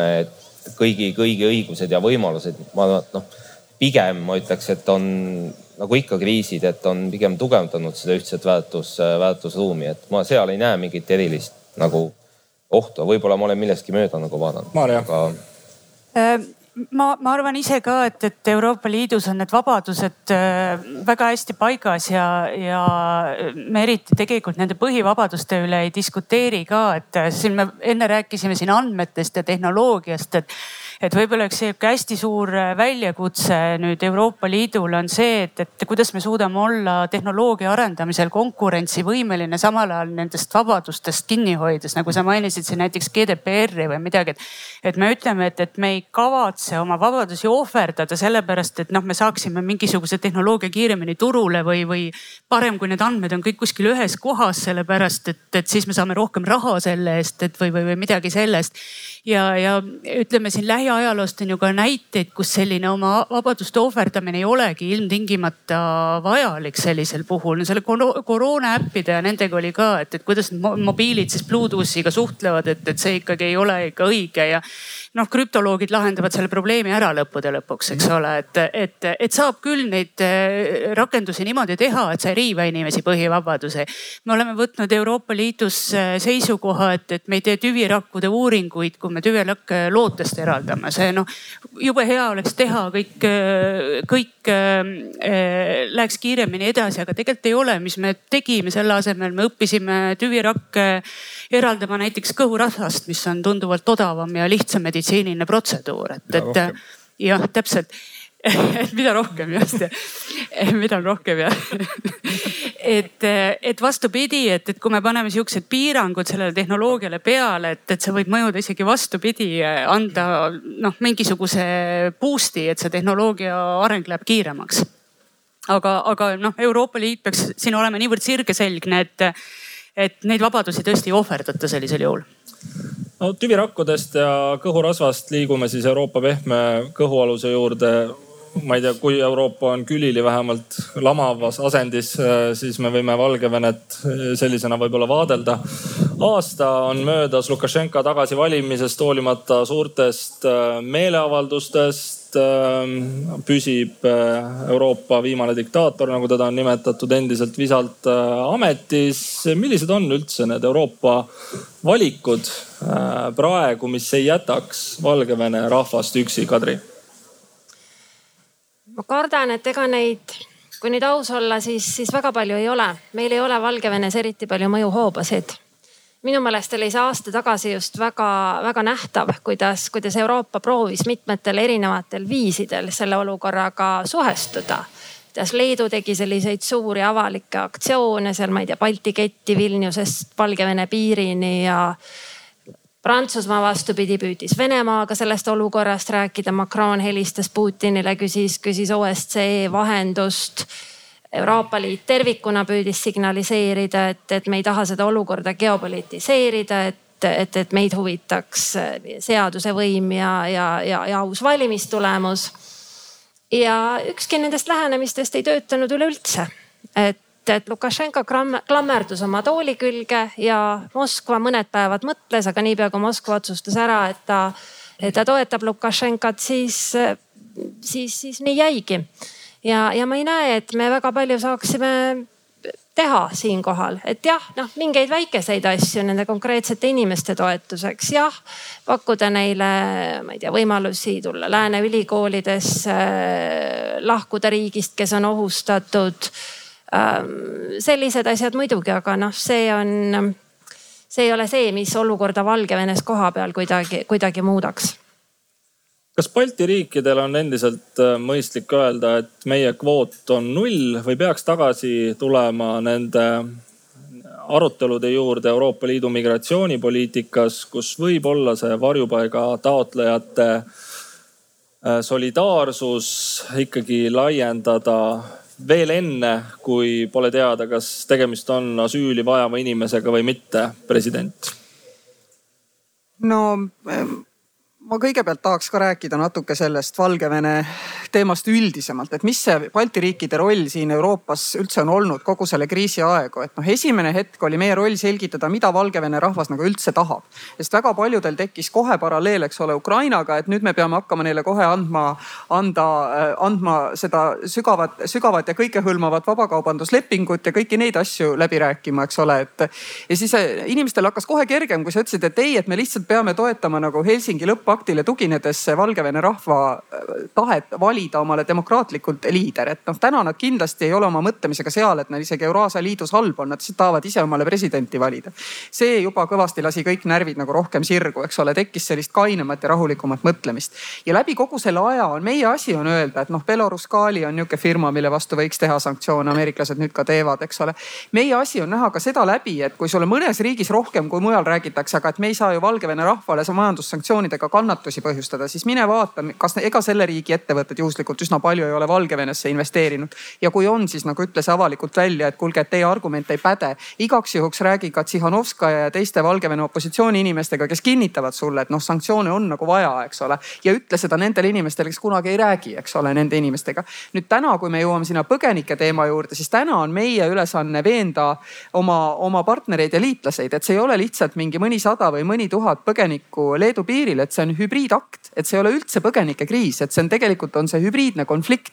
see on see, mis on täna meie jaoks nagu kõige tähtsam, et, et, et, et tõepoolest kõik oleksid selles osas nagu ühel leheküljel ja siis me saame üldse edasi liikuda, liikuda selle konflikti lahendamisega. sest täna muidugi ütleme vaimses ruumis prevaleerib nii Brüsselis kui, kui ka Pariisis kui ka Berliinis ja ammugi siis lõuna pool, ma ei ole lõunapoolseid lehti ei suuda lugeda, keelt ei oska, eks ole, aga, aga neid Kesk-Euroopa omi ma olen siin jälginud ja noh, põhiline on see, et kuulge, teeme nüüd uue katse seda, seda põgenike režiimi muuta, et nüüd saavad Baltid ka lõpuks aru, mis värk on, eks ole.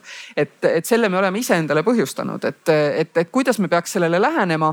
noh, alati on parem läheneda empaatiaga, aga sellel hetkel, kui sa ise ei ole nagu vööni vees, eks ole. ja see võimalus oli meil kaks tuhat viisteist, mis me täna saame teha, on see, et me vähemasti isekeskis oleme täiesti solidaarsed. et Leedu, Läti ja Eesti, kui on vaja, üksteist aitavad vajadusel ka kui on tarvis, et noh, ütleme need, kes jõuavad nüüd näiteks Tallinna sadamasse, suund on Helsingi. et me siis tegeleme nendega nagu ise ja ei, ei, ei vii neid vastavalt Dublini mehhanismile kuhugi Leetu tagasi, eks ole.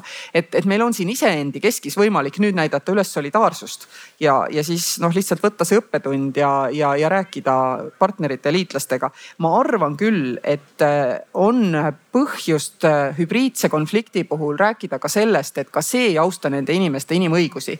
kui nad tulevad siia ja jäävad pikaks ajaks tegelikult tegelikult sellisesse noh, asüüli taotlemise olukorda, mis tõenäoliselt lõpeb neile asüüli mitteandmisega, kui nad tulevad kohast, kus tagasisaatmisega. et ka see inimõiguste aspekt kaaluda, seda tuleb, eks ole, kumb üles kaalutud saab, ma ei tea. vastu seda õigust siis igal juhul tulla piirile ja öelda see sõna asüülum. aga mis valikud meil üldse on piiri peal, kui hakkavad inimesed ka näiteks Eestisse tulema? No niimoodi on, et äh, see, millega praegu Läti ja Leedu seal tegelevad, äh, minu arvates nad hoiavad ära selle, eks ole, et, et, et jätkuksid, äh, jätkuks Iraagist see vool. ja ma arvan, et selle, selle näite varal on võimalik veenda ka teisi riike, mitte meil endil, aga meie partneritel ja liitlastel, et targem on mitte seada nende inimeste õigusi tegelikult ohtu pikaks ajaks ja põhjustada neile mittevajalikke kannatusi noh, see, see selles mõttes, kui me ei toeta seda, seda, seda Minski avantüüri, aga selleks peavadki kõik partnerid ja liitlased kõigepealt ka tava, tavalise inimese peades peavad nad aru saama, et see ei ole lihtsalt migratsioonikriis, vaid et see on hübriidne konflikt. ja täna seda teadmist süvendada on meie nagu kõige tähtsam, absoluutselt kõige-kõige tähtsam ülesanne. täiesti nõus, et, äh, et tegemist on hübriidkonfliktiga. kui ma tulin siia, siis kuulasin äh, või vaatasin siis veebis seda MEP-ide arutelu, seal see oli ka Euroopa Parlamendi saadikute arutelu, see oli ka seal üks põhiteemasid ja kuidagi hästi jäi seal ikkagi kõlama nagu see, et noh, nüüd see, mis toimub seal Leedu piiril, see on midagi hoopis muud, midagi hoopis muud, kui kaks tuhat viisteist oli siis oli siis noh Vahemerel. kui Türgi tegi ka piirid ja, lahti. ja kui Türgi tegi. samamoodi Euroopa Liitu välja pressida tegelikult. ja mina tahaks ka nagu öelda, et noh, ta no muidugi jah, tegemist on hübriidkonfliktiga, siis see päris nii ei olnud, aga väga palju on seal ikkagi ka sarnaseid asju, et eks need ongi ju kõik need mured, millega rändekriisis Lõuna-Euroopa riigid on pidanud tegelema. et äh, inimesed, kes tulevad, enamus nendest ei ole tegelikult, ei saa tegelikult seda asüüli, eks ju. Äh, nad tuleks tagasi saata, kuhu nad saata? Äh, kes ta teeb, eks ju, väga keeruline on see ja nad nii-öelda need inimesed tegelikult siis järjest neid kuhjub ja, ja, ja see ongi see mure tegelikult, mida tuleb lahendada ja kus oodatakse seda solidaarsust, et mingis mõttes on see, on see praegu Leedu puhul ja nüüd ka Läti puhul on ikkagi, on ikkagi väga sarnane. ma arvan, Euroopa Liit on väga palju õppinud sellest kriisist ka, et, et Frontexi näiteks ametnikud on ju seal esimesest päevast praktiliselt kohal, eks ju, sadades sadade inimestega aitavad, aitavad siis kiiresti neid taotlusi menetleda, et saaks kiiresti inimesi tagasi saata. seda Euroopa Liidu toetust on palju rohkem, suhtumine on ka natuke muutunud, aga need probleemid mingis mõttes on ikkagi, ikkagi väga sarnased no. et võib-olla nüüd on see sarnased, noh, me saame võib-olla paremini aru, et, et mis see mure ikkagi seal Lõuna-Euroopas siis nende, nende sisserändajatega alates kahe tuhande viieteistkümnendast aastast on olnud. ütlesid, et need põgenikud kuhjuvad, et minu meelest Läti ja Leedu just praegu üritavad hoida seda kuhja, et ta tegelikult probleem on olnud see, et nad hajuvad ja siis on neid juba keeruline nagu tagasi saata. no enam nad ei haju ka Lõuna-Euroopas, et see oli just, alguses, et nad kohe hajusid jah nagu äh, laiali, et nüüd jah äh, selles mõttes, et arvud suurenevad ja. ja mida suuremad arvud, seda keerulisem on ikkagi selle, selle probleemiga, probleemiga tegeleda. ma arvan muidugi, et Äh, tuleb siin, äh, tuleb siin solidaarne olla. eks see on Lukašenko katse nüüd siis testida, et kuidas siis Balti riigid äh, hakkama saavad selle, selle probleemiga ja ma ei tea, Kadri, ühe asja ma natuke tahtsin vaielda, et sa ütlesid, et Euroopa Liidul mingit mõju nagu ei ole olnud, et kas siis kas ikkagi ei ole praegu natukene reaktsioon nagu sellele Leedu ja, ja, ja, ja Läti ja Poola niisugusele väga aktiivsele tegevusele ja ka nendele, ütleme majandussanktsioonidele, mis ikkagi teatud määral ju toimivad Valgevene puhul ka, et päris nii ei saa öelda, et tegelikult midagi nagu ei ole need Euroopa Liidu jõupingutused mingisugust mõju avaldada. aga millist reaktsiooni sa näed sellele? noh, mõtlen kogu see hübriidkonflikti nii-öelda tekitamine. no ja, aga kas see oli reaktsioon, mida me tahtsime? et ei, seda kindlasti mitte, aga noh, et kuskilt jah. pidi valus ikkagi olema, et seda, et seda käivitada, et kui mingit mõju ei oleks, siis pole ju noh, siis võiks ju samamoodi edasi. ma, tahaks siin, siin nagu öelda, et teil on tegelikult mõlemal õigus ja, ja see viis, kuidas, kuidas noh, ütleme näiteks ma, minu käest küsitakse seda ka väga palju, et noh, alates Krimmist ja nüüd see Valgevene et aga mingit positiivset mõju ju ei ole. ja siis ma alati ütlen, et kallid kolleegid, me peame olema oma eelkäijate väärilised ja nendel oli viiskümmend aastat strateegilist kannatust oodata, kuni ajaloo aken avanes ja Balti riigid said oma vabaduse tagasi. me ei saa olla nõrgemad ega kehvemad, jah, me teeme, mis me saame, jah, me hoiame survet peal, jah, me ei lahenda seda probleemi eile. Ja meie noh, ütleme, ütleme e, selline noh, puuduv eelis, mis meie, meie eelkäijatel oli, oli see, et noh, nende käest ei nõudnud veel maailm lahendust eile, et noh, tänasel sotsiaalmeedia kiirete lahenduste ajastul noh, lihtsalt nõutakse eile, aga me ei pea sellepärast andma oma positsioone ära, et me ei suuda seda lahendust leida täna, vaid me peame püsima oma positsioonidel ja ootama, kuni ajaloo aken noh midagi juhtub kindlasti, mingi kaleidoskoobi pööre toimub ja siis on see võimalus ja siis peame me olema valmis, nii nagu meie jaoks oldi valmis ja see on ka väärtus. Maarja. Äh, ja et ähm, et Euroopa tulevikust siis rääkides, mis oli selle teema, et, et võib-olla üks selline lakmuspaber Euroopal on just nende kriiside puhul, et, et kuidas sihukesed kriiside kaskaadiga või hübriidsete kriisidega suudetakse hakkama saada. Kadri ütles siin alguses, et me oleme pandeemiaga suhteliselt hästi hakkama saanud ja ma arvan ka, et me oleme hakkama saanud tegelikult päris hästi. aga võib-olla me saamegi üks kriis korraga hästi hakkama et õnnetused käivad hulga kaupa, eks ole, et, et kui me nüüd vaatame mingisugust sihukest võimalikku stsenaariumit, et, et sellele epidemioloogilisele kriisile järgneb noh, näiteks mingi suur loodusõnnetus ja siis äh, mõni sõbralik naaberriik sel ajal siis korraldab näiteks küberrünnaku meie riigiasutustele, kes seda kõike koordineerivad.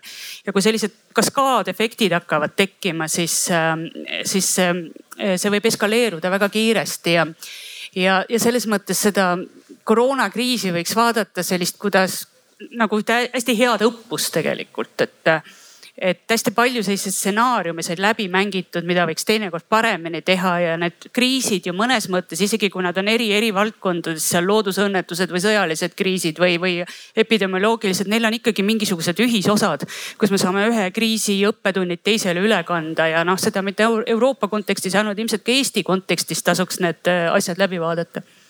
Sten üks asi, mis sa ütlesid küsimuse alguses oli see Eesti kvoot on null et vot üks asi, mida me ei saa endale lubada ei eestlastena ega eurooplastena, on see, et nagu lihtsustada seda selle tasandile, see on absoluutne, see on täielik lollus. see oli tsitaat, tsitaat ühelt poliitikult. ma olen kindel, et keegi, keegi ostab praegu teadmata kohast saadud rahaga Facebookis reklaami selle täpselt sama sõnastusega mm. onju, aga, aga see ei loe. tegelikult kõikide meie kohus on lõpetada selle kuradi teema ülelihtsustamine see, et näiteks üle Valgevene piiri tuleb, et äh, Valgevenest on tulnud sadu noori ettevõtjaid, Leetu põhiliselt, sest see on kõige lähemal kes nüüd ehitavad oma ettevõtted seal, kes, kes ilmselt kohanevad selle keskkonnaga, kes maksavad oma maksud seal ja aitavad Euroopa majandusel kasvada. Valgevenest tuleb üle piiri tüüp, kes on valede ja pettustega meelitatud sinna mingist köisikoldest. ma ega, ma arvan, et ei Lukašenkal ega Iraanis elamine ei ole nagu meelakkumine, et kui sulle pakutakse õllekööt Euroopasse, et noh, me ei saa nagu neid inimesi hukka mõista selle pärast. Eesti on, Eesti tehnoloogiasektoris töötab tuhandeid inimesi, kes maksavad kaks-kolm korda rohkem makse kui keskmine siin kasvanud ja sündinud inimene. Siin käivad ettevõtjad, investorid üle maailma ja, ja sellised lihtsustused, meie kvoot on null. Äh, noh, see nagu ei vii mitte kuhugi, see tekitab järjekordse mingisuguse vastasseisu ja peidab ära nüansid ja nende teemade, nii keeruliste teemade lahendused on ainult nüanssides Eestil on sada protsenti vaja uusi inimesi. et me oleme, meie rahvaarvu kasvust ei piisa sellise, nende ambitsioonide jaoks, mida meil on selleks, et, et kasvatada Eestit, kasvatada Eesti majandust, kasvatada Euroopa majandust, teha rohepööret, teha digipööret, kõik need asjad vajavad kõige-kõige paremaid ajusid. ja kui see kõige parem aju juhtumisi on, ma ei tea, Vietnamis sündinud tüübi peas, kes on võitnud matemaatika olümpiaadi, Eesti peab tegema absoluutselt kõik, et ta siia meelitada ja siis seal kõrval on see, et kuidas me lahendame Euroopas koostöös teiste riikidega migratsiooni. aga see ei ole nagu ühel mütsiga löödav asi. nojah, lihtsalt see eriolukord, mille Läti kehtestas äh, Leedu piiril või ka äh, Leedu piirivalvestrateegia hetkel ilmselt nagu ei võimalda tuva, nende inimeste tuvastamist isegi, kes üle piiri tulevad ja noh, tõsi, see on pisut teistsugune liikumine ka kui need Valgevene poliitpõgenikud äh, või, või mis iganes põgenikud, kes tulevad Leetu. kusjuures Valgevene, Valgevene poliitpõgenikega ma olen näinud ise ettevõtlusega seotud juhtumeid, kus ongi täpselt see probleem, et kui sa nüüd pead küsima tausta, kas inimene on hea või halb režiimi käest, kes teda juba taga kiusab, mis sa arvad, mis vastuse sa saad? ehk siis, ehk siis, ehk siis noh, et, et see ei ole jällegi see, et meie kvoot on null, jätame ta ukse taha, saadame ta Leetu ja siis see on Eesti lahendus, et, et rohkem nüansse, rohkem empaatiat. no minu küsimuse ajendas tõsiasi, et ma kahe tuhande viieteistkümnendal, kahe tuhande kuueteistkümnendal aastal käisin päris paljudes põgenikelaagrites, kui seesama surve oli ühe teise diktaatori poolt siis Euroopale tekitatud. ehk kui tule, tulid üle Türgi piiri noh, suurusjärgus miljon inimest, kes maandusid valdav osa siis Saksamaalt. ja mulle tundub, et retoorika on oluliselt muutunud sellest ajast. ehk et kui me siis rääkisime sellest, et Euroopa ei peaks muutuma kindluseks ja seda rääkisid ka Eesti liberaalsemad poliitikud ja poliitikud poliitikavaatlejad, siis nüüd me räägime sellest, et äh, hübriidkonfliktis tuleb kõik inimesed tagasi tõrjuda, mingeid asüülitaotlusi ei tuleks menetleda. kas viga on lihtsalt selles, et üks hübriidolukord, kui ta oli nii-öelda president Erdogani korraldatud oli, ähm, oli kuidagi teist, erinev sellest, mis on nüüd äh, Lukašenko korraldatud hübriidolukord Balti riikides. olen ma millestki valesti aru saanud Esi,? esiteks põgenikke on siiski tiba rohkem kui läbi nende kahe hübriidkonflikti, mille sarnasus tõepoolest äh, noh, on väga suur, eks ju. tegelikult on veel hästi suur migratsioonivoog, mis siiski on liikunud Aafrikast, eks ole, sealsete ebastabiilsuste, kliimaprobleemide ja, ja, ja muu, muu elamist noh, ütleme raskendavate asjaolude tõttu siiapoole. aga ei ole Euroopas Euroopas muutunud, me oleme teinud palju katseid muuta Euroopa äh, asüülipoliitikat ja põgenikepoliitikat, aga me pole sellega kordagi hakkama saanud. ehk et jah, need paradigmad, mis siis kehtisid, kehtivad ka nüüd. ehk et jah, tagasi on saadetud enne ja saadetakse ka nüüd ja need reeglid polegi üleüldse muutunud. midagi ei ole muutunud, midagi ei ole ei leevenenud ega, ega karmistunud. see on muutunud. sinu peas on see muutus ainult, tegelikult ei ole muutunud. retoorika minu arvates ka ei ole muutunud, et minu arvates oli ka siis teada, et eks ole, need inimesed, kes asüüli ei saa, et neil tingimata siia jääda ei õnnestu. Euroopa Liit nagu ka kõik teised rikkad majandusruumid oma madala sündivuse kompenseerimiseks teeb alati pingutusi, et tuua siia haritud inimesi. mul on väike moraalne probleem sellega ka, et kas me ikka peaks nad siia tooma tänapäevases teenusmajanduses, mis on globaalne. miks ta ei või sealt Tuneesiast raamatuid pidada mulle siia Eestisse? küsimus on sellest, kuidas me selle sotsiaalse hüve nüüd Eesti ja Tuneesia vahel siis nagu ära jagame. see on see, millest me peame rääkima ja kuhu me peale püüdlema, on ju. kusjuures see vastab tegelikult ka nende huvidele, kes tahaksid, et võib-olla, et noh, Eestis ikka oleks üks miljon inimest neljakümne viiel tuhandel ruutkilomeetril. meie majandusse panustada, siit tulu saada, siit hüvesid saada on võimalik täna globaalselt. tegeleme nende asjadega ka, eks ole. Triin äh, te olete pikalt olnud vestlusest väljas, mis mõtetega te jälgite seda, mis äh, toimub praegu äh, nii-öelda Valgevene suunalt Euroopasse.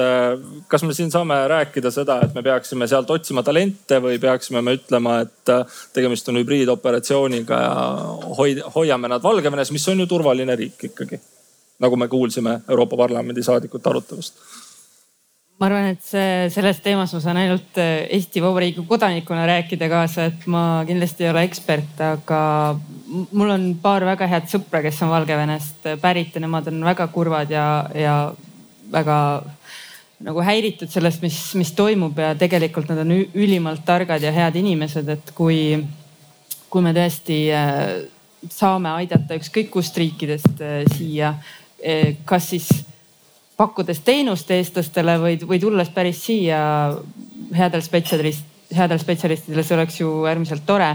minu meelest on hästi, väga hästi teinud seda alati eh, Kanada, Uus-Meremaa kui Austraalia, kes on alati nagu hästi selgelt defineerinud ära, et keda nad soovivad ja siis andnud nendele inimestele ka eh, konkreetsed nagu võimalused tulla hästi lihtsasti enda riiki et on see siis alla kolmekümne aastane kõrgharitud noor pere või, või, või mingi teatud äh, spetsialiteediga mm, mingi eluala esindaja.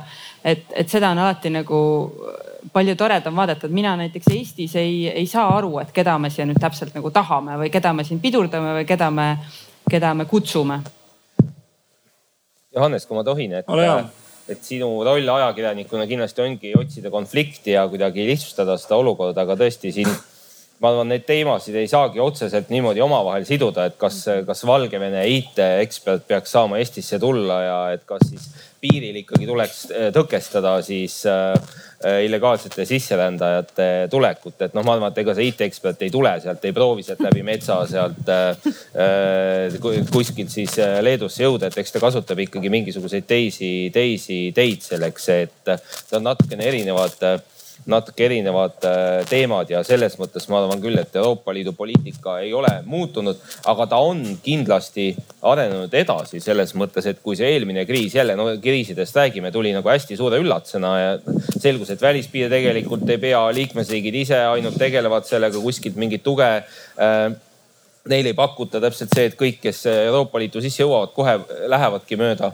mööda teisi riike laiali, et siis sellest kindlasti on õpitud ja täna needsamad lähtealused lisaks sellele, et siis võib-olla peaks olema teineteisega solidaarne, kui, kui juba need, kellel on õigus siis jääda Euroopa Liitu, et neid siis Euroopa Liidus äh, kuidagi riikide vahel jagada, et sinna juurde tulebki nüüd see, et piir peab pidama, tõesti peavad saama tulla need, kellel on selleks õigus, kellel ei ole õigust, tuleks tagasi saata, et eks see ongi nüüd mingis mõttes ka selle, selle poliitika väljendus. lihtsalt ühe asja tahtsin selle äh, Kadri jälle eelmise kommentaari kohta öelda, et Euroopa Liidu meil ei ole ühtset välispoliitikat, ma olen nõus, et vist laia ühtset välispoliitikat ei ole, aga ka seesama äh, Valgevene kriis teatud määral ikkagi näitab, et eriti väikestel riikidel, meil on päris palju sellest Euroopa Liidu, Euroopa Liidust ikkagi äh, kasu, et ega kui ainult kolm Balti riiki ja Poola oleks teinud äh, Valgevene suhtes sanktsioonid, et siis oleks see olnud noh, võrdlemisi niisuguse väikese mõjuga ja selles rändekriisis samamoodi, et, et proua president siin ütles, et Läti ja Leedu on nüüd kõik teinud, et, et rohkem ei tuleks enam neid, aga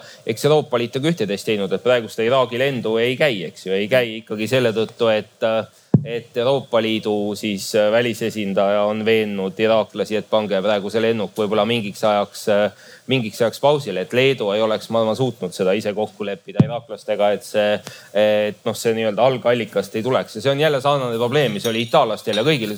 Noh, et kuidas saada, et Liibüast ikkagi ei lastaks neid, äh, neid inimesi üle ja see on jälle väga-väga sarnane, et siin on ikkagi Euroopa Liidu roll alati olnud päris tähtis selles välismõõtmes ka seda ei öelnud mina, et, et ei ole ühtset, sellest president. ma tegelikult. sellest lepingust tulenevalt ei ole noh. ja, aga ei, ma arvan, et noh, minu meelest siin on mingid struktuursed põhjused, mis Euroopa Liitu pärsivad just, just see maailmakorra muutus, millega meil on raske adapteeruda ma arvan, et tegelikult potentsiaali mingiks ühtseks välispoliitikaks on, on, on palju rohkem, kui see praegu avalduda saab. ei, minu meelest me ju teeme ühtselt, aga lihtsalt asi on selles, et ta on ad hoc, iga kord tuleme konkreetse ja. probleemi ümber kokku ja. ja siis meil on see lahendus on ad hoc, sest siin meil puudub see rööbastik, mida ma muidu kirjeldasin, eks ole, nelja vabaduse juures, et, et ta ei, me ei ütle, saa öelda, et teda sellepärast ei eksisteeri, ta on lihtsalt ad hoc. Aga ma tahtsin lihtsalt noh, konservatiivi ja avatud rahvuslasena siinkohal nagu öelda, et paljud probleemid lahenevad siis ära, kui meil on Eestis tagatud see, et iga siin kooli minev laps saab seda teha nagu eestikeelses koolis mm, -hmm. sõltumata sellest, mis keelt tema vanemad kodus räägivad, et.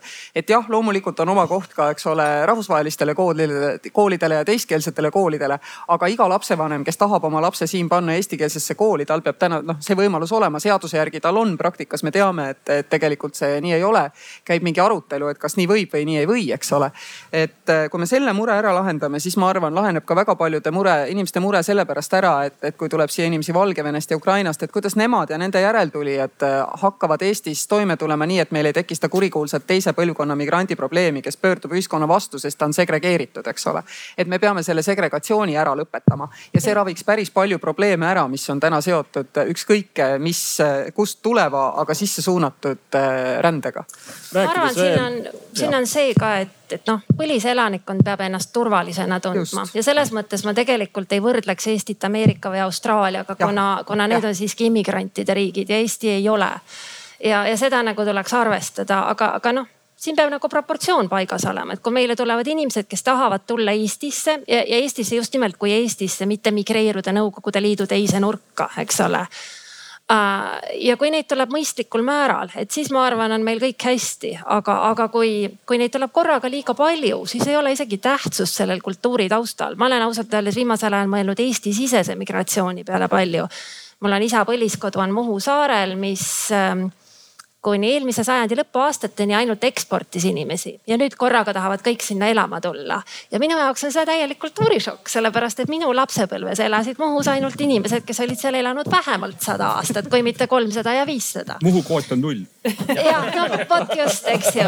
aga et noh, kui nad tulevad niiviisi mõistlikus tempos ja adapteeruvad, näevad, eks ole, milline on elustiil ja et siis, et kui te üleöö näiteks asustate kolmsada tartlast Kihnu saarele, ma luban teile, et tuleb suur jama tuleb täielik rändekriis, mis siis, et kõik on eestlased. palun, Triin ma tahtsin tuua veel ühe paralleeli siin kiirelt kasvavatest startup idest, et seal on täpselt seesama probleem, et äh, kui me hästi kiiresti värbame, et kuidas me suudame säilitada seda kultuuri ja seda ühist, ühist väärtust.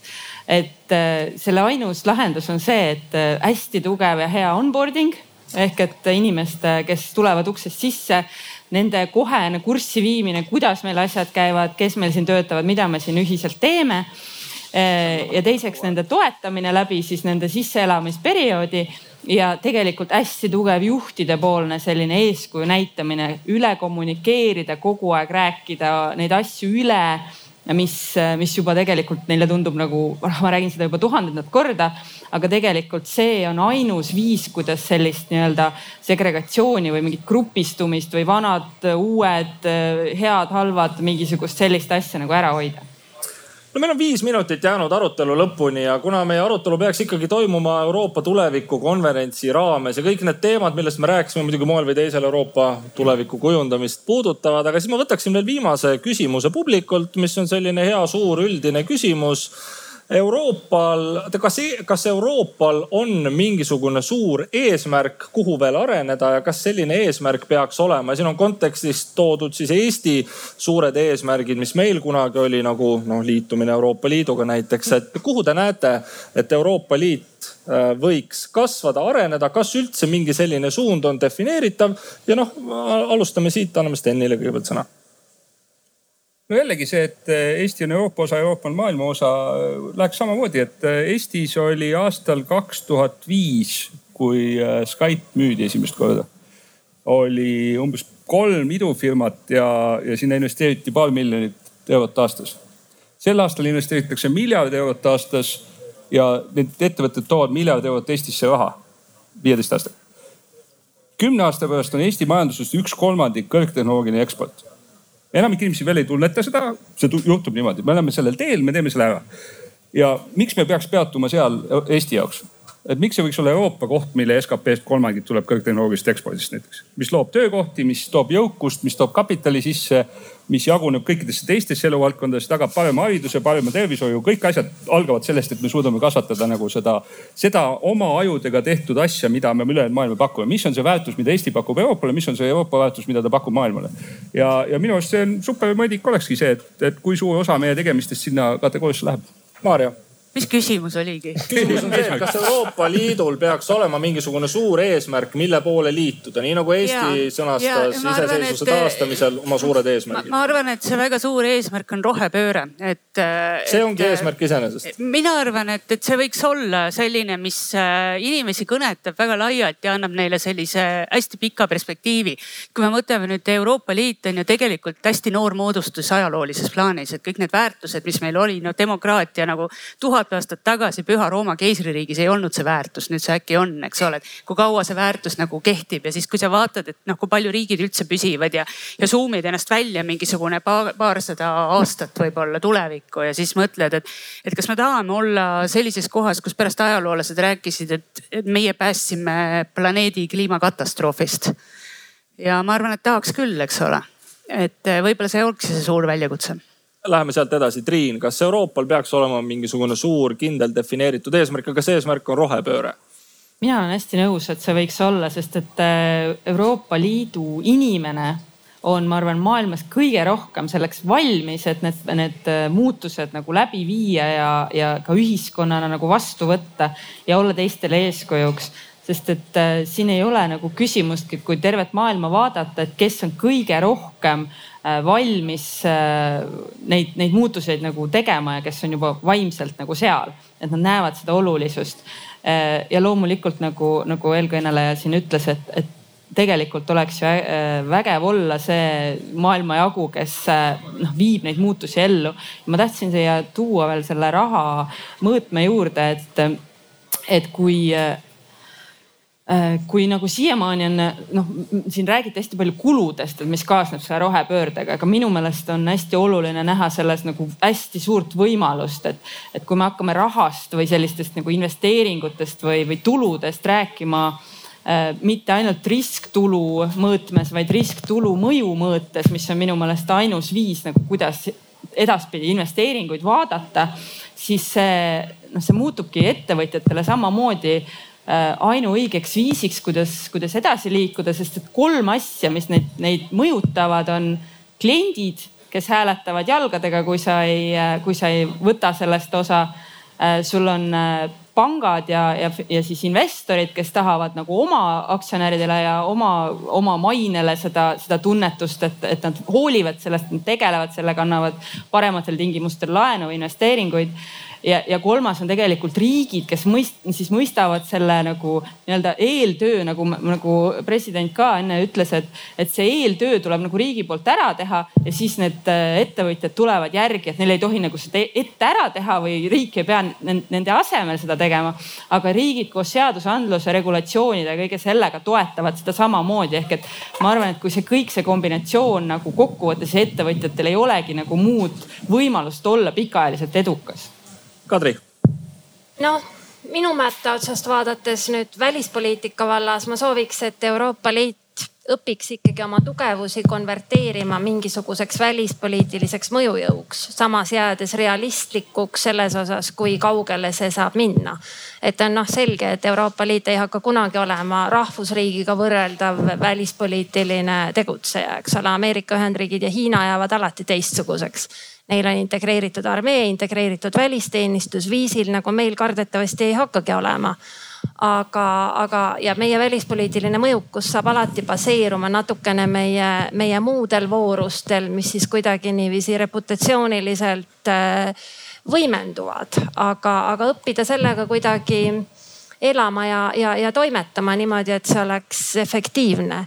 ja siis ilmselt jah, innovatsioon peaks sinna juurde käima, sest et noh, sa ei reguleeri ennast maailma tippu, sa innoveerid ennast maailma tippu.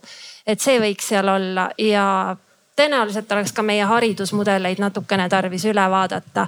siin keegi enne mainis, et, et, et, et, et, et konsortsiumid ja asjad, et nad on heal tasemel ja, ja mõtlevad nii mõndagi välja. ma ei tea, see võib-olla sõltub erialast, minu meelest minu valdkonnas mitte, et minu valdkonnas ma nii pigem näen, kuidas selline grandipõhine hariduse ja mõttetegevuse rahastamine ähm, ei vii parimatele tulemustele. ma arvan, renessansiaegsed ülikoolid olid natukene paremad oma, oma sellises teadmine teadmise pärast lähenemises. et, et see oleks minu väike unistus ka.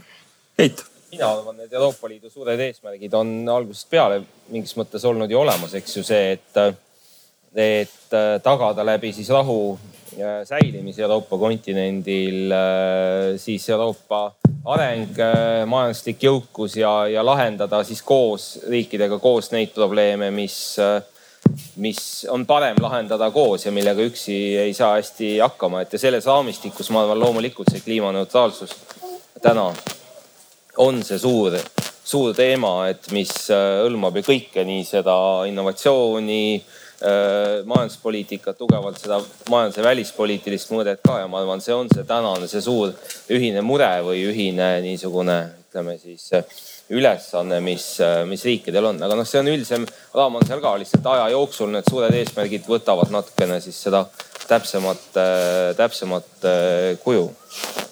Et ma just tund aega tagasi püüdsin kirjeldada, kuidas Euroopa roheline mull päästab planeedi ja mul on hästi hea meel, et teised inimesed arvavad ka, et seda me teha saame. aga üksiti tagab see selle, et Euroopa Liit, kes täna juba on maailma rikkaim ja suurim turg, on seda ka viiekümne, saja aasta pärast. ärme unusta, et ka see ei ole Euroopale antud, et meil on no globaalsed geopoliitilised konkurendid on kõik teised majandused täitsa heatahtlikud. aga mis on veel olulisem, palju olulisem on see, et Euroopa Liit on ikkagi oluline osa sellest väärtuste ja reeglite põhise maailmakorra hoidjatest siin maailmas. et noh, ei ole, ei ole palju neid, kellega koos me seda saame teha, kellel on nagu sarnane mõjujõud ja see on ka väga tähtis asi, mida ei maksa unustada. muus osas no Euroopa Liit on ju protseduur, ta on keeruline juriidiline konstrukt, mis võimaldab riigijuhtidel kokku leppida, kuidas me oma asja siin plane-, nagu siin planeedil ajame seda Euroopa asja ühiselt. ja sellel ei saa olla omaette spetsiifiliselt nagu eesmärki, ta täidab ikkagi liikmesriikide ühiseid eesmärke nii nagu liikmesriikide liidrid, kes täiesti demokraatlikult on valitud, täiesti demokraatlikult Brüsselis kokku tulevad ja läbi kokkulepitud demokraatliku mehhanismi neid otsuseid teevad, seda ta teeb. ta ise, ta, ta on lihtsalt juriidiline konstrukt, ta ei ole mingisugune olend, ta ei ole, ta ei ole grupp ametnikke, ta ei ole grupp vandenõulasi, ta ei ole midagi sellist. ta teeb seda, mida liikmesriikide liidrid ütlevad, et ta peab tegema aitäh selle meeldetuletuse eest, mulle tundub, et aeg-ajalt on oluline neid justkui elementaarseid asju ikkagi veel kord rõhutada, arvestades seda, millised äh, infokillud meid äh, pommitavad viimastel aastatel ka euroskeptikute esituses. head sõbrad, üheksakümmend viis minutit peaaegu on siin laval möödunud väga kiiresti. Afganistanist ei jõudnudki rääkida, aga siin Paide kaunitel nõlvadel ja puude all on kindlasti teil kõigil võimalus mõnel siin laval olijal nööbist kinni võtta, turvalist distantsi austades ja, ja need teemad, mis meil veel arutamata jäid, koos läbi arutada. aitäh selle eest, mis me jõudsime rääkida, aitäh kõigile osalejatele, aitäh kõigile, kes kaasa elasid ja küsimusi postitasid. väike aplaus, ma arvan, on ära teenitud küll.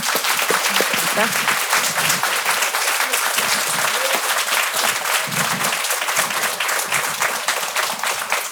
head sõbrad, milliseid muutusi Euroopa vajab, on sellega ammendunud siin laval vähemalt. jätkame kuluaarides, aitäh veel kord. selge see.